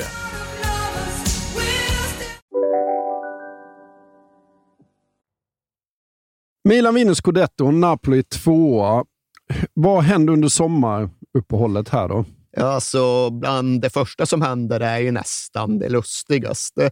För Maradona, ja, han dyker ju upp igen efter ligaavslutningen i Michel Platinis avskedsmatch. Och de bilderna har du väl sett när han och Platini radar upp sig? Nej. Platinis lag, som väl är det franska landslaget, möter någon typ av all-star-lag. Och båda lagen har ju ett stort tryck på sina matchtröjor som är antingen no drug på engelska eller vad fan nu det heter på franska. Så där står Platini och Maradona och liksom pumpar upp sig med ett eh, antidrogbudskap på sina matchtröjor. Jag, menar, jag vet att det i sociala mediesvängen har hetat att ja, på Platinis tröja stod det no corruption, alltså ingen korruption, och att Ja. det skulle ha varit den ultimata ironin. Men ja, så var det inte. Båda hade inga droger på sina tröjor och det innebär att det blir mycket lustigare runt Maradona än runt Platini. För ja, alltså här kan vi ju ändå ta en sväng om det faktum att Maradonas drogintag hade accelererat under det föregående året, under säsongen 87-88. För alltså, han hade ju brukat länge. Han hade ju använt kokain mer eller mindre regelbundet under hela tiden i Neapel. Han hade ju testat redan i Barcelona. Man lärde sig det va? Ja, exakt. Och där finns det också olika versioner om hur han egentligen introducerades till drogen. Det finns ju de som menar att det faktiskt var en svärfar som gav honom kokain för första Mhm. gången. Men det kan vara hur som helst med detta. Det som går att säga är väl att det är under just den här tiden som Maradona går från att vara en brukare till att bli en missbrukare. Och jag är inte man för att sätta exakta gränser för när det ena blir det andra, men ja, hans droganvändande blir väldigt tydligare, väldigt mer frekvent, väldigt mycket mer problematiskt för en fotbollsklubb som naturligtvis är fullt medvetna om vad som pågår och känner till vilket liv Diego Maradona lever. Det, det är också rätt fascinerande så här i efterhand. Att klubben och staden, alla vet. Och alla mycket- accepterar, Ja. eftersom att det tycks ju än så länge inte påverka hans prestationer, utan han spelar ju på en nivå som saknar motstycke, möjligen med undantag för ordskyldigt. Och så länge han spelar så, så får han göra vad fan han vill. Ja. Och grejen är ju till och med att i januari 1988, alltså ganska kort efter den här första förlusten mot Milan uppe på San Siro, ja då tar ju Fellaino och framförallt Luciano Moggi, den diaboliskt intelligenta Luciano Moggi, beslutet om att helt enkelt sätta en privatdeckare på Diego. Som satte ju en snubbe på att följa honom, på att undersöka honom, på att ha koll på exakt vad han gjorde och fick ju därefter löpande exakta rapporter som i stort sett innehöll allt från hur mycket droger som levererades till honom, till vilka bordeller han vistades på, till vart han egentligen befann sig när han inte pallade att dyka upp på träningarna. Allt det liksom var välkänt och väldokumenterat och finns till och med liksom nedskrivet numera i en bok av den här berörda privatdeckaren El Espia del Dios, alltså att spionera på Gud. Ja. Och allt det här innebär ju att vi verkligen vet att klubben verkligen visste och att de inte bara tolererade utan egentligen formellt även accepterade att Diego Maradona hade sitt eget träningsupplägg. Han hade sin egen veckocykel och det innebar ju att okay, det var match på söndag och efter matchen var det ju sen raka vägen ut i den napolitanska natten. Sen var det ju kokain och ljusskygga kvinnor från söndag kväll, över hela måndagen, över hela tisdagen, fram till och med onsdag morgon. Och därefter, okej, nu är det dags. Avtändning. Ja, okej, ja, men nu är det avtändning. Ja. Avtändning i miniatyr för att ja, men först kunna bli träningsduglig till på torsdagen, därefter bli liksom ren inför eventuella dopningsprover och till sist även kunna prestera igen på söndagen. Och så såg det ut. Så Hur såg fan orkar han? Ja, det förstår det är ju helt obegripligt. Ja. Men eh, ja, det finns det väl inget som helst svar på. Sen är ju den andra frågan, men hur kunde klubben köpa in sig på detta? Men där finns det ju ett svar och det har vi ju egentligen redan redogjort för. Att ja, men Fellaino hade ingen makt gentemot Nej. Maradona. Ingen hade någon makt gentemot Maradona. Han fick det kontrakt han ville, han fick de omöjliga bilar han ville ha och han fick även knarka precis hur jävla mycket han ville så länge han släpade sig ut på söndagen och skruvade in en frispark mot Inter eller Fiorentina. Och det stannar ju inte här heller, för ibland så var ju inte de berörda och ansvariga helt trygga med att Maradona hade skött sin avtändning så minutiöst som det informellt var överenskommet. Så de agerade ju som några andra jävla liksom, ryska laboratoriekrigare. De lät ju byta ut Maradonas urinprov gång efter annan när det närmade sig dopningstest. Och det var ju både då den här gemytliga massören Carmando som är legendarisk till Luciano Moggi som absolut också är delaktig och till och med drivande i att verkligen se till att Diego Maradona aldrig skulle lämna ett positivt dopningsprov. Alltså han måste ju varit på världens mest cyniska plats ändå. Alltså vi skjuter i honom så mycket läkemedel, eller alltså så mycket kortison det bara går. Bara få ut honom på planen och sen får han bete sig. Alltså gå mot sin egen undergång. Bara han spelar på ja, söndag. Ja, men Ja. precis så var det. Och det finns många frågor att ställa, men en är ju också den här kring ja, men fotbollens, mänsklighetens brist på förmåga till att tänka långsiktigt. För hur, alltså om vi bara köper in oss på hela cynismen, vi problematiserar inte den, den bara finns där.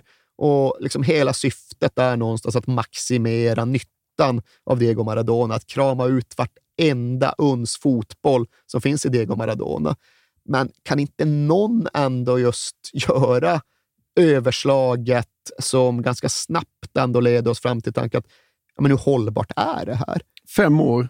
Alltså, är den här, det känns ju som fem dagar, Ja, liksom, fem exakt. veckor. Ja, nu lyckas de ändå få ut den på söndagen, men fan, det kommer fler säsonger. Nu har jag skrivit på ett kontrakt som löper till 93 och där kan jag ju känna att ja, hur mycket man än kan liksom hylla den machiavelliskt manipulativa Luciano Moggi och hans just diaboliska intelligens. Så, ja, men är det så jävla smart att bara systematisera ett eh, rundande av dopningsproverna?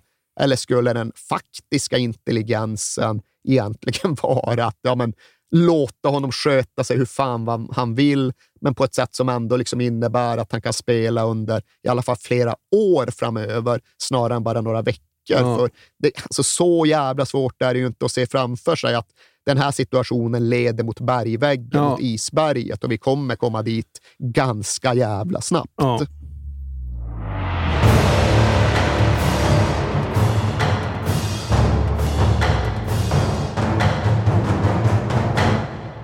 Ska vi köra igång säsongen 88-89? Det kan vi absolut göra och vi kan väl börja med att notera en truppförändring i Napoli. hade ju för sig hänt rätt mycket då i och med att eh, Bianchi av ett eller annat skäl hade bestämt sig för att kicka ut en hel handfull av de gamla titelvinnarna. Och tydligast var väl kanske då bortknuffandet av Bruno Giordano. Och Diego Maradona, ja, men han var rätt jävla förbannad på detta. Han var ju missnöjd med Bianchi rätt mycket för att Bianchi var ju typ den enda i hans liv som försökte kräva saker Ja. av honom, som inte bara lät honom göra exakt vad han ville. Han var ju, alltså han var ju bakbunden. Han, okay, men Diego han kanske kommer på onsdag morgon. Du vet, nu ska han vara borta i tre dagar för att gå på kokain. Jaha, det fick han lov att köpa. Ja. Men ibland så tyckte han ändå att ja, men du kanske kan träna på torsdag och du kanske kan springa på det här sättet på matchen. Du kanske kan lyssna på någon instruktion. Det såg ju Maradona som en skymf. Liksom. Bara, bara komma här och komma, liksom. Vad i helvete? Ja. Så han gillade ju inte Bianchi. Mycket av den här anledningen och därtill också ja, men han tyckte han var för negativ, för, ja, men för krävande. Det tror jag ändå är rätt ord att använda. Och nu, Maradona gillar ju inte auktoriteter. Nej, han gillar inte Någonsin. Nej, absolut. Det är väl kanske så enkelt och Ja. så svårt. Och nu blev väl hans Bianchi-aversion ännu starkare för att ja, men han då gjorde sig av med flera av Maradonas polare. Kanske framför allt lekkamraten Giordano. Och hur det nu än hade varit med allt så ställde ju verkligen inte Maradona upp på att det skulle ha varit några läggmatcher och att Giordano skulle ha varit liksom förhindrad att prestera av Camorran. Det köpte han aldrig någonsin i sitt liv in sig på, utan han såg det här bara som en sportslig petning och det tyckte han var skit. Så Maradona, han, ja, men han ville ju aktivt ta bort Bianchi och det gör en tränares position långsiktigt problematisk i en klubb som Napoli. Men truppen som sådan hade inte urholkats utan kanske snarare faktiskt spetsat till och uppgraderats. För istället för Giordano tog då Luciano Moggi in Andrea Carnevale från Udinese Ja. och det var en riktigt mångsidig och användbar anfallare.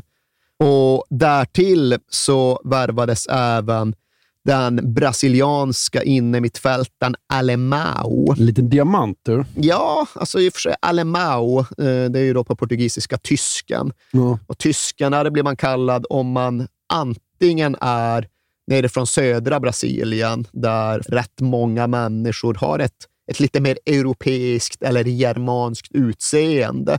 Men framför allt blir du som fotbollsspelare kallad för tysken ifall du anses antibrasiliansk i ditt spel. Ja. Ifall du håller på med tråkiga grejer som att liksom täcka ytor och liksom vinna boll och köra den där skiten. Det var en liksom. nyttig spelare. Det var en nyttig spelare och liksom med europeiska mått mätt så var han ju en jättefin mittfältare med både liksom bra teknik och bra bollbehandling och liksom bra spelblick.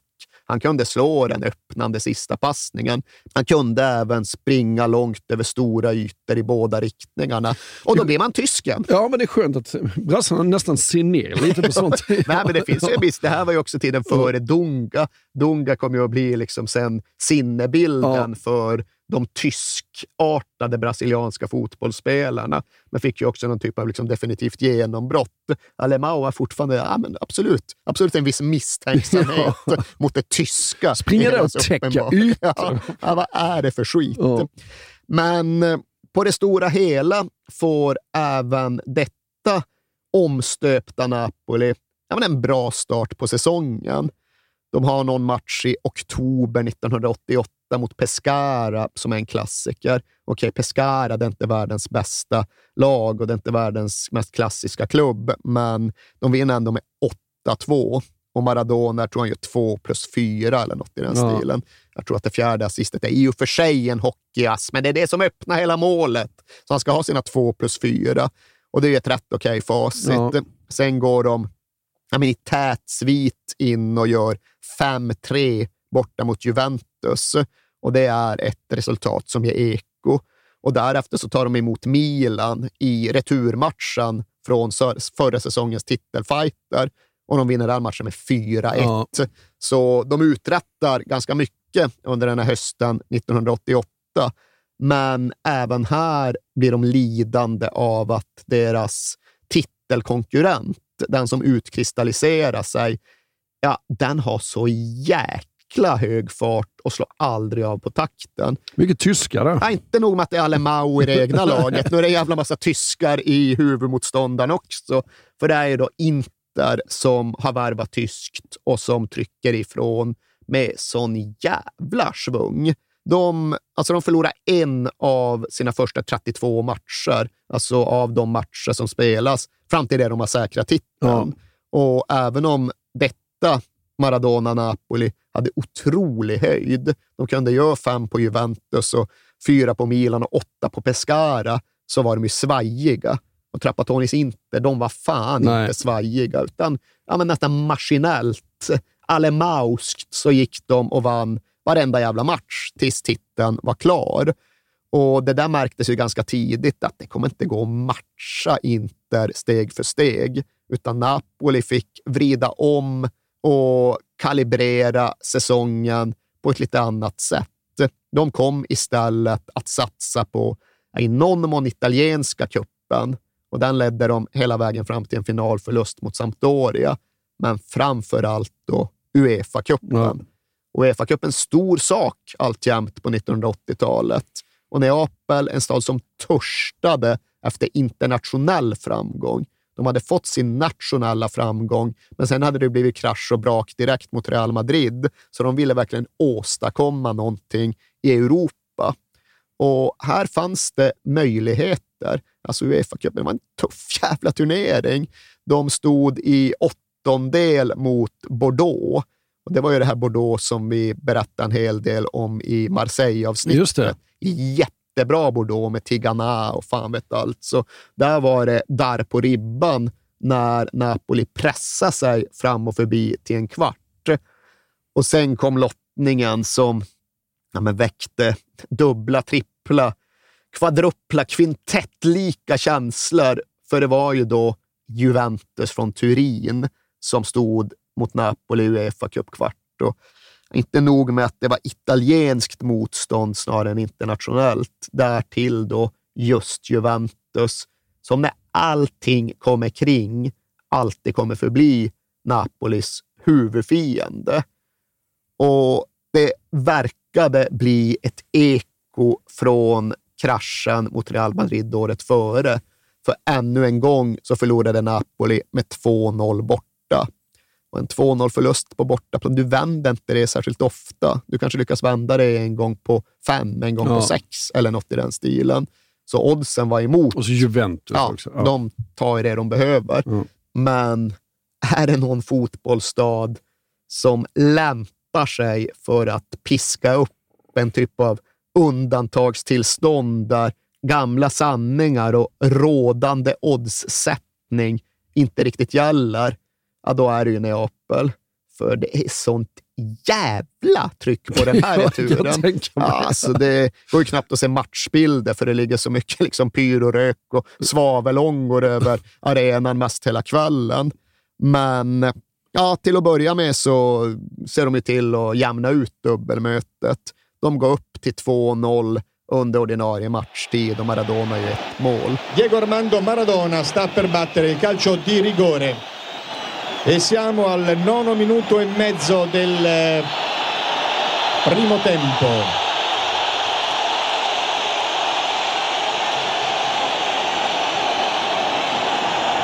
Tacconi va in porta mentre Maradona è da tempo pronto.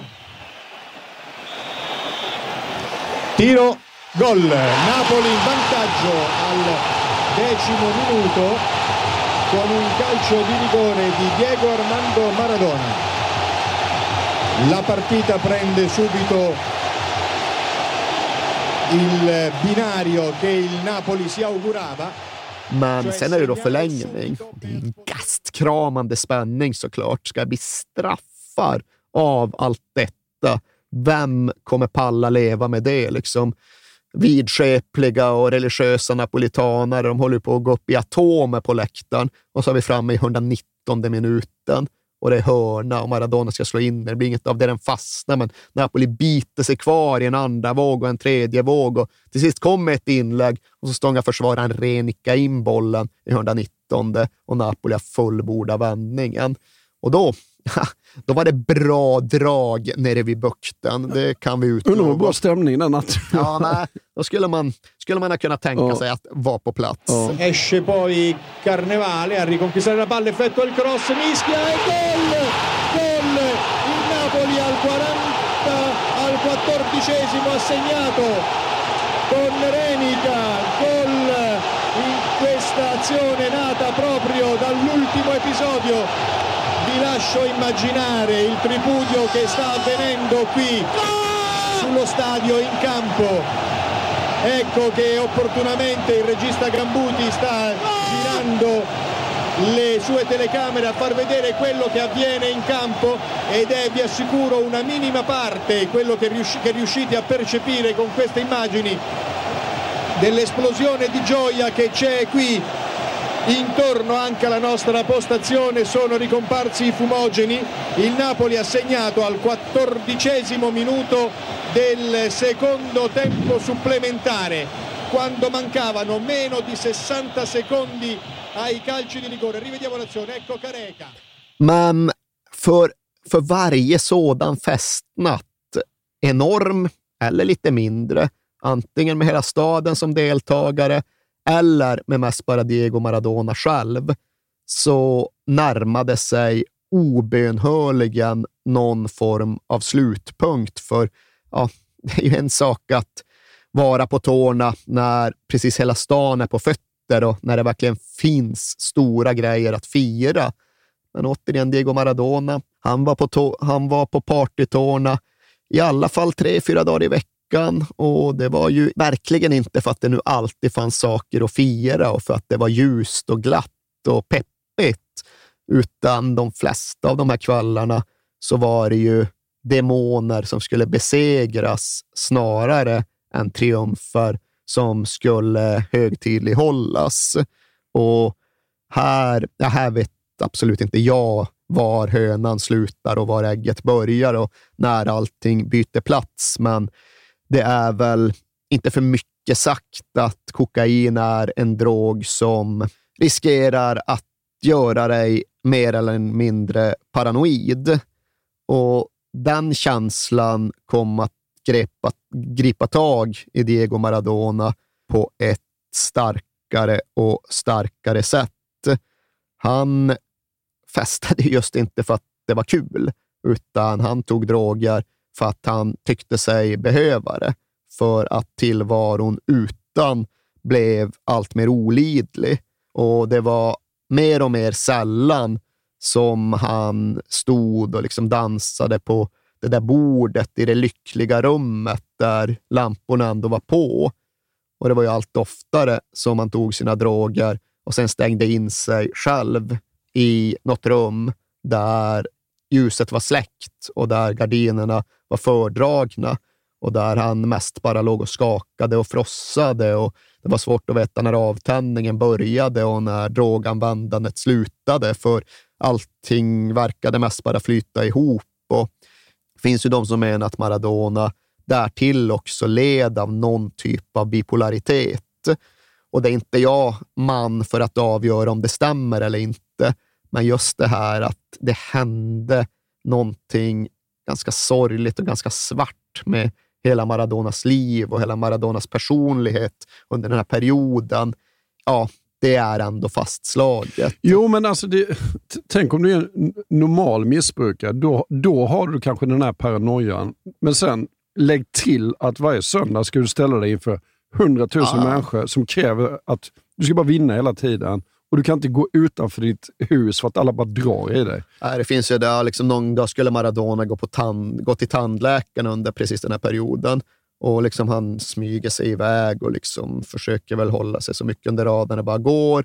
Och så är han hos tandläkaren i tio minuter och sen är 7000 pers utanför. men alltså, det är mardröm. Ja, det är det ju. Och sen är det ju det där att ja, bara för att du är paranoid så innebär det ju inte att du inte är förföljd. För Maradona kom ju verkligen här att liksom börja skönja spöken och komplotter och konspirationer precis överallt runt omkring sig hela tiden. Och det var säkert mycket av det där som var överdrivet.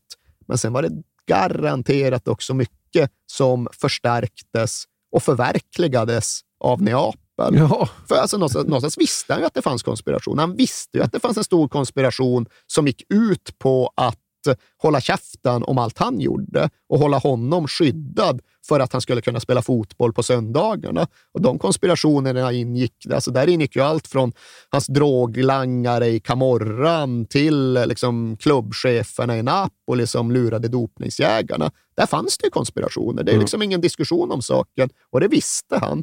Och när det sen då började hända negativa saker i hans liv, då kanske inte han nöjde sig med att konstatera att ja, det kanske händer dåliga grejer ifall man knarkar fyra dagar i veckan och ligger inne och har liksom självhatiska tvivel på hela liksom, tillvaron och existensen.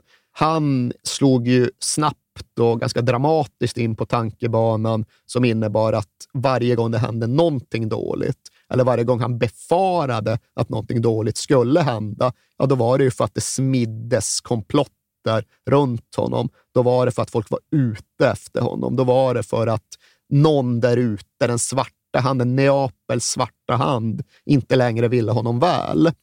Och säkert 1, 12, 93 korn av sanning, men därtill garanterat också en paranoia förstärkt och förvärrad av antingen då bildpolaritet eller missbruk av kokain eller förmodligen rätt mycket av både och. Ja.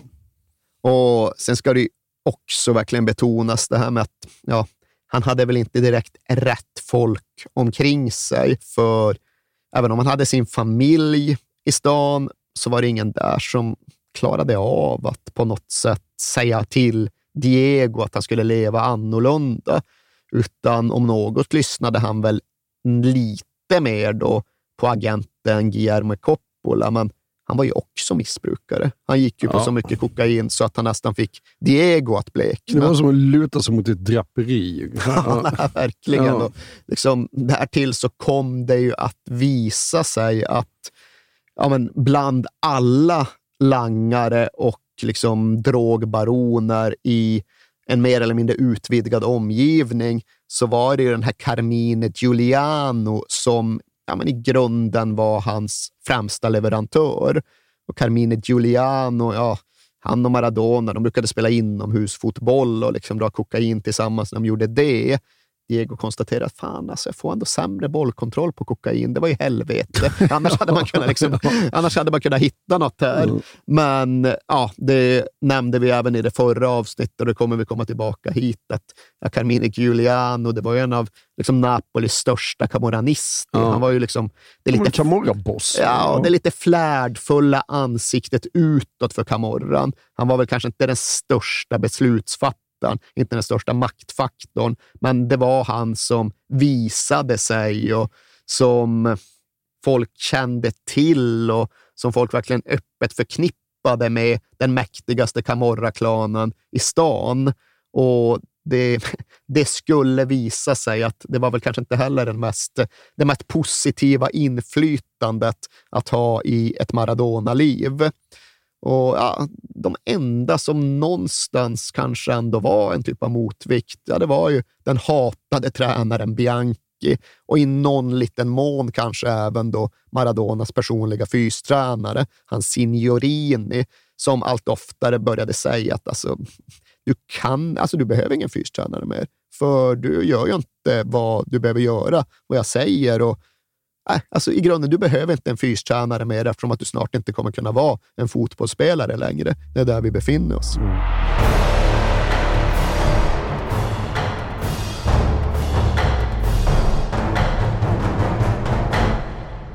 Men de slog ut Juventus och i semifinalen i Uefa-cupen så väntar Bayern va? FC Bayern från München och redan här är det en ganska stark så här, sista dansen-känsla som vilar över de matcherna och över hela Uefa Cup-äventyret. För i sina svett njutningar och sitt frossande och sin paranoia så inser ju även Diego Maradona att någonting måste förändras. Och den absolut mest konkreta förändring som går att tänka sig, det är ju att byta miljö, byta Ja. fotbollsklubb. Så han kom ju att utveckla en stark vilja att lämna Napoli under den här våren 1989. Och Det sammanföll ju då med Olympique de Marseilles upprustning med Bernard Tapis Berlusconi-liknande ambitioner. Och så som det naturligtvis alltid har varit i fotbollen, att om du nu är en klippare och en affärsman och en PR-sökare som bestämt sig för att göra din fotbollsklubb till världens centrum, ja, då går du efter världens bästa och mest berömda spelare. Det gällde New Cosmos och Pelé i mitten av 1970-talet. Det gällde Berlusconi och Milan i mitten av 1980-talet och det gällde absolut just Bernard Tapie och Olympique de Marseille i slutet av 80-talet. Och där Berlusconi och Milan misslyckats för att Maradona i grunden såg det som helt omöjligt att byta italiensk klubb, ja, där verkade ju faktiskt Bernard Tapie och Marseille att lyckas. För de fick ganska tidigt med sig Maradona på sin värvningsbåt. De lyckades ju kanske framför allt, medvetet eller ej, med fog eller icke, sälja in den här bilden av en mycket lugnare tillvaro i stillsamma Marseille. Ja, och det flinade vi åt när, när, när, vi gick i Marseille-avsnittet. Men nu när man går igenom Neapel så vet jag fan om det inte hade varit ganska Jo, mycket lugnare ändå. Alltså, det liksom. hade ju absolut varit ett steg i rätt riktning Ja. på den skalan. För, ja, men till att börja med var det en flytt som Maradona ändå kände att ja, men den är möjlig att göra. Ja, det är det. det är inte Milan, det är inte Juventus, det är inte ens Real Madrid. Det är liksom ändå en klubb som inte Napoli känner något hat mot och därför kan det ju faktiskt vara genomförbart. Men det var ju ingen jävla kurort som Nej, Maradona. Men där, nej, exakt. Men där var ju just det här med att i Neapel, där var han ju fången. Där var han ju instängd i den där lägenheten som hela stan visste vart den låg. Som inte egentligen hade någon trädgård utan som bara hade en balkong som vette ut mot gatan. Och där stod det permanent 2 500 pers. Ja, Fan, dygnet runt på i fem år. Nej, alltså det är ju så nära du kommer det där fängelset i frihet. Och Det kan man ju också tycka att det borde väl ändå Napoli ha kunnat göra något åt. För det är inte så att det inte finns några avskurna mansions i södra Italien. Det är klart att det går att relocata Maradona till något lite mer insynsskyddat. Men det var det aldrig någon jävel som tog tag i, medan då Bernard Tapie ja, men såklart identifierade det här. Ja, men naturligtvis. Du får en medelhavsvilla med ashöga murar, med en liksom, två hektars trädgård, med två swimmingpools. Ja, men det blir som att du lever i din egen lilla stad här och ingen kommer kunna åt, komma åt dig. Och just det var väl det stora argumentet för att det ändå kunde bli ett lugnare liv i Marseille än i Neapel. Så Marseille som stad så jävla mycket mindre rörig än Neapel är den Nej. inte. Men här fanns det i alla fall en möjlighet att avskärma sig från allt det där. Och som sagt, Maradona, han gillade det han hörde. Han accepterade i stort. Han sa, ja, men det här kör vi på. Ja. Absolut, det här kan var, vara en sen väg sa han ut. väl också att vi dubblar lönen med eller något. Jo, jo absolut. Men det, Ja. det tror jag faktiskt var nästan underordnat, i alla fall för Maradona. Ja. Coppola tyckte säkert att det lät kanon. Ja. Men ja, Maradona, han bestämde det här vill jag köra på. Sen var det bara, jo men när du drog åt tum, tumskruvarna på Ferlaino så krävde ni ju faktiskt ändå ett kontrakt som sträcker sig till 93. Det här är 1989, det är rätt långt kvar på kontraktet och det kan man säga att oavsett hur oinskränkt en fotbollsspelares makt kan tyckas så förblir det ändå ett problem att ha skrivit på ett juridiskt bindande kontrakt Ja. och tro att man bara kan valsa därifrån. Det gäller Harry Kane sommar 2021. Det gällde i någon mån Diego Maradona även våren 1989. Och det här begrep ju även han. Han förstod att okej, jag måste lösa det här med Ferlaino. För säger han nej, då kan jag faktiskt inte göra någonting. Nej. Utan jag måste ju få hans samtycke, hans godkännande. Så det här får vi lov att styra upp. Och mot den bakgrunden så gick Maradona och Napoli in i de här Uefa Cup-semifinalerna. Och första matchen nere på San Paolo, den går ju precis enligt plan. Det blir 2-0 till Napoli för en gångs skull i de här dubbelmötena. Och det är såklart Maradona som passar fram till båda målen. Och det är Careca och Carnevale som gör varsitt. Och där pumpas det ju in en sån jäkla tillförsikt och glädjekänsla i hela klubben. Nu är de ju i stort sett framme i en historisk Uefa-cupfinal. Nu finns det saker att glädja sig åt. Nu är det ju klackar i tak och liksom ögon fyllda av lyster. Så mellan de två semifinalerna, då ska Diego Maradona passat på att ta ja, men det här mötet med en joddlande och själaglad Corrado Ferlaino. Och det är som alltid ett möte som det finns flera olika skildringar av, men Diego Maradona har ju alltid, alltså för en gång skulle han varit konsekvent ja. när han har återberättat någonting som har hänt honom. Och han har alltid sagt det, att Ferlaino sa att jag hör dig Diego, jag förstår också att din situation här i stan inte är särskilt enkel och jag vet ju vad du har gjort för mig och för Napoli. Så ska vi inte bara försöka sätta en sista jävla krona på det här verket, sätta en punkt på allt som ingen kommer glömma. Ska vi inte göra så att vi ser till att vinna Uefa-cupen och ifall du bara lyckas ta oss dit, ja men då låter jag det gå. Då får du flytta till Marseille med min välsignelse. Ska vi säga så, Diego? Och Diego, enligt egen utsago, ska ju ha blivit så oerhört uppfylld av en befrielsekänsla. Här fanns det en väg ut från klaustrofobin, från isoleringen, från den här tillvaron där han såg allt större och allt svartare spöken runt omkring sig och det här livet som egentligen bara gick ut på att antingen bli hög på kokain eller tända av från kokain. Det skulle inte behöva vara på det sättet mer och det enda som krävdes var en Uefa Cup-seger.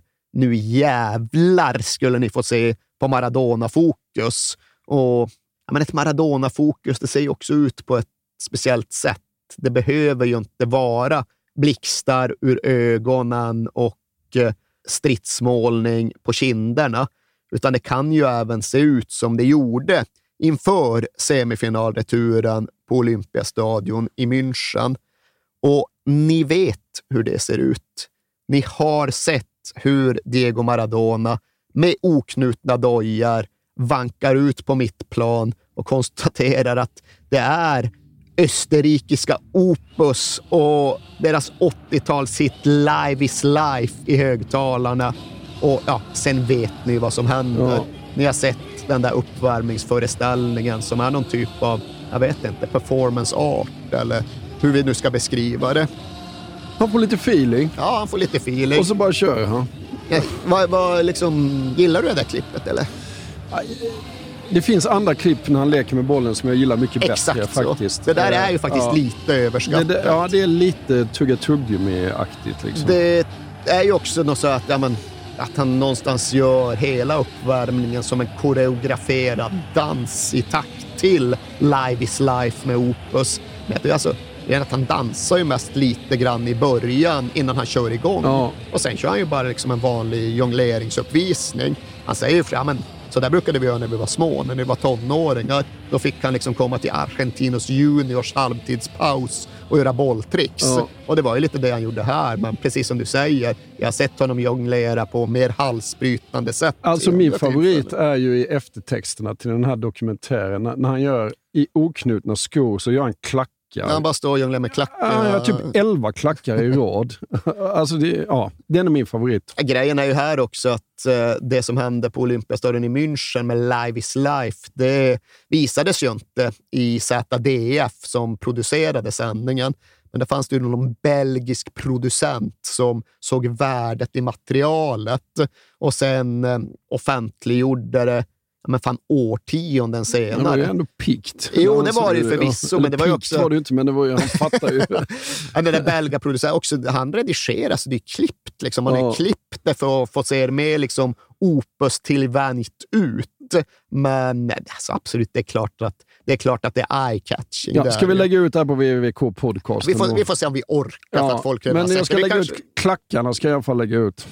Fan, förresten i hela mitt liv alltid har trott att den där låten heter Life is life. Ja. Det ingår inte i din spellista kan jag säga.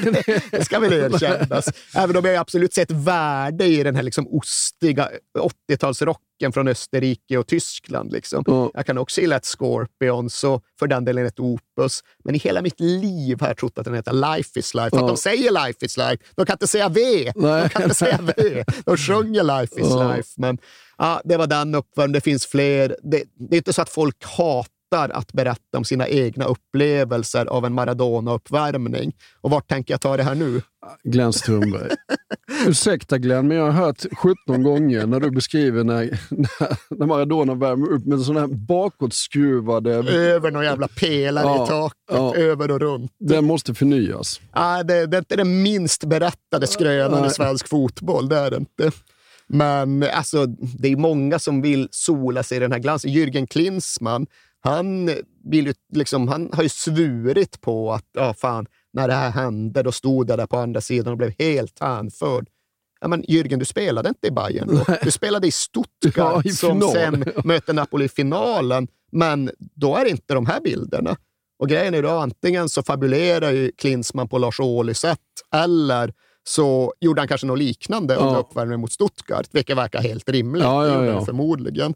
Min egen av alla dessa liksom uppvärmnings och träningskrön om Diegos liksom bollkonster, det är nog ändå Gianfranco Sola som drar den jag tycker är bäst. För han kom ju senare till Napoli, det kommer vi prata om om ett litet tag. Men då hade tydligen de en grej som gick ut på att de spelar vägg. Klassen vi spelar vägg, fast de då spelar vägg mot ribban på 11 målet. Ja, ja. Och så liksom ribba tillbaks. Nästa kille en touch, ribba tillbaks tills någon missar. Och Sola var ju bra som satan, men Maradona rådde han inte på. Och det är liksom typ ja, men 15 åt gången. Liksom. Ja, han missade typ aldrig. Nej, det är, det som, det är ju liksom den här Ronaldinho-reklamfilmen. Som är super... Som är dunderfejk. Ja. Liksom. Det är den på riktigt. Och, ja, den har man hört färre gånger än Glenn Strömbergs om bollen över och runt pelare i taket. Men väl dags för returen i semin. Väl dags för att knyta dojorna och faktiskt spela fotboll snarare än att jonglera till live is life. Ja, då var det ju en besjälad Diego Maradona som nu spelade för att få tillgång till nyckeln till frihet. Och han tar ju den här matchen och han avgör den här matchen också. Han har först en egen nick inne i nät. Bra svung i den nicken, men det målet blev bortdömt för offside. Jaha, då får han väl lösa det på annat sätt. Så han stångar ner någon tysk i straffområdet efter en timme. Det borde ha blivit underkänt, Ja. men där tillåts han spela vidare. Rullar fram den till Careca, 1-0 i tomt mål. Sen är någon omställning därefter när Bayern måste gå framåt. Maradona tar återigen tag i bollen, släpper iväg Careca och så är det mål igen och så är det finalklart och så är det nytt tyskt motstånd. Och den här gången, den här gången är det ju faktiskt Jürgen Klinsmann Ja, som står på andra sidan. Ja, för nu är det dags för Stuttgart i finalen. Det är Stuttgart och det låter väl kanske inte så där extremt svårmanövrerat och respektingivande. Men det är ett starkt Stuttgart med då en 22-årig Jürgen Klinsmann och Guido Buchwald är där och ska markera Maradona och Eike Immel står i mål och Sreko Katanets visar slovensk stuns i någon form av eh, uppdaterat libero-spel. Så det är ett rätt bra Stuttgart och det är ett Stuttgart som får en drömstart på dubbelmötet.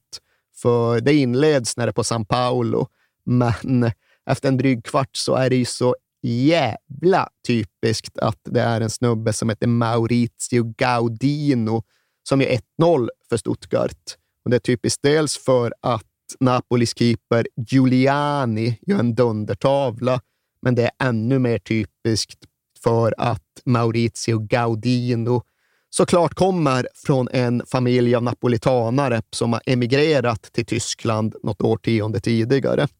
Men Så här skulle det inte få sluta. Det kunde inte bli den stora storyn om denna Uefa Cup-final, för Diego Maradona spelade med ett syfte och även om Diego Maradona var långt ifrån i fysiskt maxslag så spelade han med någon sorts besatthet och då är det rätt svårt att stoppa honom. När Diego Maradona ska vinna till varje pris, då tenderar han att vinna. Jag tyckte han var majestätiskt bra alltså, över de här två finalerna. Sen är det ju också i ögonfallande och återigen lite typiskt att Maradona fixar 1-1 målet, fixar kontraslaget genom att använda sin beprövade hand of God, vänsternäven.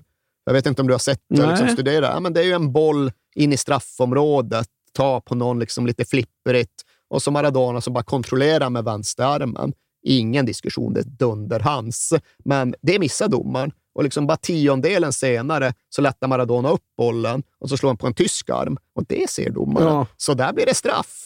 Och det är verkligen ytterligare ett sånt där klassiskt hand of God-ögonblick som såklart har glömts bort i historien i skuggan av vissa andra. Men 100 procent Maradona-hand, Maradona-arm som kanske eller kanske inte genom nedärvt intränat Maradona-fusk har gjort en jävla skillnad i en stor och viktig final. Och som nu då leder fram till en straff som han såklart själv rullar in i mål. Och så är det 1-1 och så är inte Maradona nöjd med det, utan i är det 87, 88 87, minuten ja. någonting så jagar han tag på en liksom, hopplös boll och situationer vid, lång, vid kortlinjen och så trollar han lite grann och så har Careca öppet mål och så Ja. är det 2-1. Carnevale, Carnevale per Maradona, il cross al centro, Careca e tiro gol! Gol del Napoli, 42esimo minuto del secondo tempo, Careca ha portato in vantaggio il Napoli.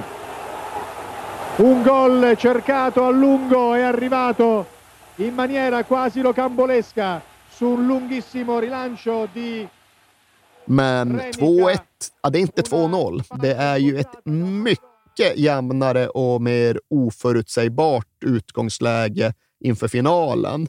Och det här är ju liksom, ja, men det är en riktigt aptitlig, gammal, undanskymd fotbollsklassiker. Uefa Cup-final-returen 1989. Och den går ju då på gamla väldiga Neckarstadion i Stuttgart. Och där var det mycket folk, men även om hemmaklubben hade kunnat fylla arenan flera gånger om, så tilläts de ju inte göra det. Ingen vet riktigt hur, fan vet hur det går till, men på något sätt är ändå, ja men jävlar i mig, halva Neckarstadion ljusblå när det är väl dags att spela. Det är otroligt vad de har fått upp mycket folk och det är ju Napolis första internationella cupfinal någonsin. Så det är inte märkligt att ambitionen finns, men det är lite påtagligt att de liksom alltid på något sätt hittar en väg. Klart de fixar det. Klart Ja. de fel. Det är ju också så observerat och återberättat hur det plötsligt visar sig för Napolis spelare att det var helvete vilket stort pressuppbåd det var. Det var otroligt vad mycket fotografer det var nere på inneplan. Men det är väl en sak, för Neckarstaden var ju löparbanor, så Ja. det rymdes ju tusentals människor runt plan och på löparbanorna. Och sen bara kollade de lite närmare och så märkte de, alltså vänta nu här. Alltså de här horderna av pressfotografer, ja, men det är våra ultras. Vi känner igen de där jävlarna. Det är klart det är. Ja, det är klart det är. Så, så löste de det. De liksom bara rufflade fram en fotografackreditering, tog in 1100 pers som fotografer från kurva B i Neapel. Liksom. Ja, det, är fan, det, är, det är bra platser. Det är bra Absolut. platser. Och hade det inte märkts förr hur, i vilken utsträckning som Neckarstadion ändå hade infiltrerats, ja, då märktes det efter knappa 20 när Alemao drar iväg på en lång jävla löpning. Ja, ja. Alltså, bra motor på Alemao. Och så gör tysken mål på tyskarna. Det är 1-0 till Napoli och just ja, men 80 procent av fotografkåren och hälften av publiken flyger upp och blows their covers på något sätt. Spränger sina egna täckmantlar. Men i och med att Stuttgart själva hade ett bortamål så är inte det här dödsstöten. Det är fortfarande match och den 22-åriga Klinsmann kvitterar på en, vad sa du, ja, det var fan en majestätisk nick på hörna en bit in i första. Där står det ju och väger. nästa mål kommer att ha så väldigt stor betydelse, kommer att avgöra i stort sett, i alla fall, borta, i alla fall om bortalaget gör det. Och det är ju det som sker. Strax före paus så en, en hörna, ett inlägg som fastnar och som sen studsar tillbaka mot Maradona. Och med starka nackmuskler så piskar han ju iväg ett nickinlägg in i straffområdet som napolitanaren Ciro Ferrara av alla människor möter med en volley. Och så är det 2-1. Det är ett klassiskt mål också. Ja, det är ett klassiskt mål och det är klassiska glädjescener och det är ju det avgörande Ja. målet.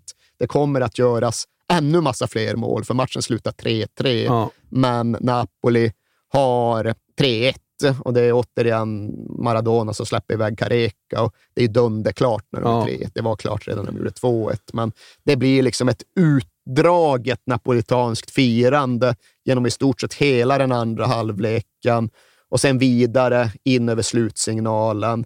Och det är sån glädje. Det är Maradona just som omfamnar och kramar Ferrara och liksom menar att just som napolitanare så är ju det här verkligen hans stora triumf. Och sen ska bucklan lyftas och det är kaotiskt. Han får bucklan, Maradona, men innan han kommer till podiet så är det massa folk och det är trängsel. Guarda che lo abbiamo, lo abbiamo, l'abbiamo sognato questo, stiamo, siamo qui in realtà. Vedo che anche Ferrara, anche Ciro piange. Ciruccio napoletano. Lui se lo merita più di tutti. Noi, noi abbiamo fatto qualcosa, ma lui ha fatto gol, ha fatto, ha fatto una grandissima partita. Lui se lo merita veramente. Och det är precis just då som enligt någorlunda samstämmiga uppgifter president Ferlaino går fram till Maradona och liksom viskar i hans öra att ja, nu sa vi ju en del grejer förut och du kanske liksom har fått intryck av något annat, men vi kör ju ändå som det är skrivet. Vi eh, följer det här kontraktet till 93, inte sant? Och lämnar det rätt mycket där. Stackarn. Ja, och det hävdar just Maradona att det var ju ett sånt svek och ett sånt bedrägeri att det aldrig skulle kunna gå att komma över. Kanske var det lite där, alltså att livet hade i alla fall kunnat bli annorlunda för honom. Ja, och eh, lyssnar du på Ferlainos versioner så är de i alla fall delvis lite annorlunda. Eh, det kanske inte hade utfärdats så hållfasta löften etc. etc. Men så som Maradona uppfattar, och det här finns ju också på film och det går nästan att se liksom Maradonas ögon, vilken jävla liksom besvikelse och vilket mörker som lägger sig över honom mitt under segerstunden. Men här är det ju definitivt något som för alltid går sönder i relationen mellan Diego Maradona och Corrado Ferlaino och i förlängningen då Ferlainos fotbollsklubb och därefter även hela staden Neapel. Här övergår det från att vara liksom påfrestande och olustigt till att Maradona känner sig ja, men instängd, fångad, fan till och med fängslad. Ja. Liksom. Här börjar han ju avsky sitt liv och alla de som då tvingar kvar honom i detta livet. Han vill bara bort därifrån och han tycks ha blivit lovad att få komma bort därifrån. Och han kommer ju inte bara tigande tugga i sig det här, utan ja, resten av säsongen blir någon typ av semistrejk. De har en sista betydelsefull ligamatch där de i teorin hade kunnat komma lite närmare Inter, men efter att de har förlorat den, ja, men då spelar ju knappt Maradona mer. Han begär i praktiken att slippa spela mot Ascoli. Och där har han i och för sig någon typ av svepskäl för Ascoli är klubben där Bruno Giordano har hamnat. Och då menar Maradona, liksom, ja, men fan, jag är på Giordanos sida mot den här jävla Bianchi. Jag tänker inte spela mot Giordano. Och jag vet inte fan ifall det egentligen är en bättre eller sämre ursäkt. En mer godtagbar ursäkt än att han strejkar för att han liksom ska bort från klubben. Men, men, men det är en grej jag måste säga om Maradona när man läser honom. att Visst, han har ett sånt otroligt hat mot alla auktoriteter, men alla spelare som spelar med honom älskar ju honom. Och han står på deras sida och han gnäller inte på det. Alltså han, han verkar vara en schysst person i omklädningsrummet. En, en bra lagkamrat. Ja. Det tror jag vi kan säga i de flesta fall. Det finns ju situationer där det har skurit sig, där det blivit Ja, där det blivit liksom naturligtvis. nästan till Ja. blodsfejder. Men ta en startelva så skulle jag nog säga att nej, men liksom 8-9 av de spelarna kommer backa honom till döden Ja. för att han gjorde det gentemot dem. Och det är ju om inte annat väldigt ögonfallande det här med att Ciro Ferrara, alltså storspelaren Ciro Ferrara, italienska landslagsmannen, Juventus-spelaren Ciro Ferrara, ja, men han skrev en hel självbiografi där han egentligen inte berättade ett skit om sitt eget liv. Eller jo, det gjorde han, men han, liksom, det fick stå i skuggan av en sorts 250-sidigt försvarstal av Diego Maradona. Och liksom hela titeln var ju Hovisto Maradona. Jag såg Maradona. Hela grejen med Ciro Ferraras liv och karriär är att han fick spela med Diego Maradona. Och därtill så ja, går han ju verkligen beyond. Han går bortom alla normala gränser för att just ta sin gamla kompis och lagkamrat i försvar. Det är liksom en så väldigt ovanlig typ av mycket. Det går att skriva självbiografier med olika infallsvinklar och du kan använda spökskrivare eller inte. Men just det att, okej, nu ska jag sammanfatta mitt eget fotbollsliv, men det låter jag ändå tyna bort i skuggan eftersom att jag verkligen vill berätta om hur fantastiskt det var att befinna sig i den här personens sällskap. Ja. Det är liksom inte Tony Flygare som skriver en bok som ja, men i grunden ska marknadsföras genom att han en gång kände Zlatan, utan det här är en annan typ av ingång som blir ganska talande just ändå för banden som Maradona förvånansvärt ofta kunde bygga upp till sina lagkamrater och till att de broarna som fanns däremellan ändå inte brändes. Nej. För tänk så jävla många broar Diego Maradona brände. Ja, ja. Han brände precis varenda bro till varenda person. Och tänk så lätt det var att det var en superdiva i de där omklädningsrummen. Ja. Och så blir han älskad ändå. Ciro Ferrara kan ju också, ja, det, det är värt att läsa den där boken, Ja. för den är ju för sig ganska lättviktig, men det finns ju hur många skildringar som helst av hur liksom Maradona lägger fram sin egen nacke för lagkamraternas skull.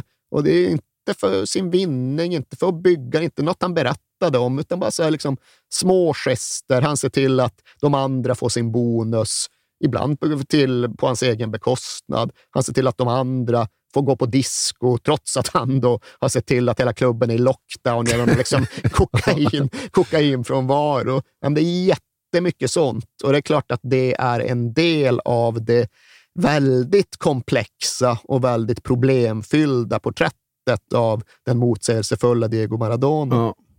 Men då skulle de i alla fall stänga ner våren 89. Ja, och det var inga viktiga fotbollsmatcher som återstod att spela, men det var en del betydelsefull fotboll som pågick med allt vad nu det skulle innebära. Som sagt, ja, Maradona han var på dåligt humör efter Uefa-cupsegern. Han krävde att slippa spela mot Ascoli och sen i säsongens sista hemmamatch mot Pisa, ja, då begär han att bli utbytt efter en kvart. Det hade aldrig hänt tidigare Nej. i Napoli. Som Maradona, för alla hans fel och brister och trots allt hans nattliv så besjälade som ju alltid av att spela fotboll. Först i frontlinjen, oavsett läge. Men nu krävde han alltså att först inte bli uttagen och sen att bli utbytt efter en kvart mot Pisa. Och själv hävdade han att ja, men vad fan, det är Copa America som väntar och jag kände något i låret och jag var rädd för att förvärra grejer inför den turneringen. Men det var inte en plädering som någon hade hunnit uppfatta, eller för den delen som någon hade lyssnat så där jättemycket på efter en kvart av hemmamatchen mot Pisa. Och det får ju då följden att för första gången någonsin, på ett sätt som få hade trott skulle vara möjligt, så blir Maradona utvisslad av San Paolo när han går mot det här påtvingade bytet. Och ja, Han kommer att referera till de som buade som imbeciller på Maradona-likt sätt. Men även om nu de där visslingarna satte sig i huvudet så bleknade ju de i jämförelse med vad Diego sen fick höra när han träffade sina nära och kära efter matchen. För då fick han ju berättat för sig att på hedersläkten, där agent Coppola hade suttit, där hans partner Claudia hade suttit med deras ganska nyfödda barn, ja, där hade det ju liksom kastats förolämpningar och projektiler genom luften. Sitter visserligen bakom plexi, så det kom inte fram några tomater eller flaskor eller mynt eller vad som nu kastades. Men det var ändå väldigt tydligt hur det häcklades, gestikulerades, hur det skreks förolämpningar. Och där kände ju Maradona att ja, här är det ju gräns efter gräns som passeras. Presidenten sviker mig, presidenten ljuger för mig, tränaren gillar jag inte. Och nu, nu börjar alltså folket vända sig emot Ja. mig. Publiken på São Paulo går emot mig och min familj. Vad fan är det frågan om? Och återigen, bara för att du är paranoid så innebär det inte att du inte är förföljd. Han hade ju just uppfattat det som att folk i Neapel hade börjat vända sig emot honom. Och i takt med att det blev allt mer tydligt och öppet så att han desperat gärna ville lämna Neapel, ja, då var det väl även så att folk började vända sig emot honom. Ifall det är en superstjärna mer eller mindre strejkar från att spela samtidigt som man aktivt bedriver intensivt lobbyarbete för att flytta till Marseille, ja, då kan en nyckfull publik som den på San Paulo till och med vissla åt sin absolut största hjälte och gud. Och det var ju det som hände här. Men om publiken där är nyckfull så är inte Diego Maradona mindre nyckfull. Så det som tidigare hade varit lite så här under radarn och bakom kulisserna och utanför rubrikerna blev ju nu öppen krigföring. Maradona, liksom, han går ju ut och ja, men, nu, de kommer att spotta på min familjs heder, de kan dra åt helvete allihop. Och, ja, jag vill lämna Neapel precis just här och nu. Och ja, det vill han ju. Det vill han desperat och intensivt gärna göra. Men det fanns inte längre någon väg, för Fellaino hade bestämt sig och till skillnad från hösten 1987, då han ju upplevde sig så väldigt utmanövrerad och hjälplös, så kände ju Fellaino någonstans att ja, men nu, nu är situationen den omvända. Nu har vi vänt på spelbordet här och nu är det jag som sitter på trumf och det kommer jag utnyttja. Det fanns definitivt ett inslag av liksom, egomätning och personlig Som stolthet han här. njöt av det du. Det gjorde han och Ja. liksom Marseille fortsatte ju försöka, för de hade ju Maradonas eget medgivande och det måste det väl gå att lösa. Men nej, det gjorde det inte. Inte mot den här presidenten, inte mot den här klubben, inte mot den här staden. För de åkte ner en sista gång, Marseille, och då var det inte Bernard Tapie, utan det var han Michel Hidalgo, som var någon typ av sportchef.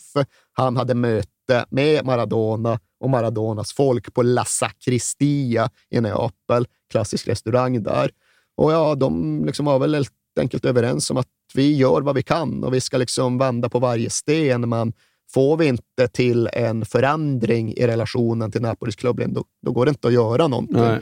Och det lämnar de bordet med och Maradona och Coppola åker därifrån. Hidalgo sitter kvar lite grann med sin kaffe eller vad det nu är. Och han sitter väl där själv i tre minuter innan det kommer fram någon till hans bord och bara visar revolvern som han har i byxlinningen. Och Hidalgo vet inte vem han är och han vet inte vilka intressen han egentligen företräder, men känner ändå att situationen är ganska svår att misstolka. inte bra ut. Neapel har bestämt sig för att Diego Maradona inte ska flytta. Han ska stanna och fullgöra sina åtaganden och plikter.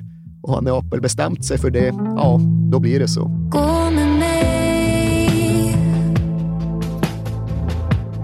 Bakom skuggor ser du solen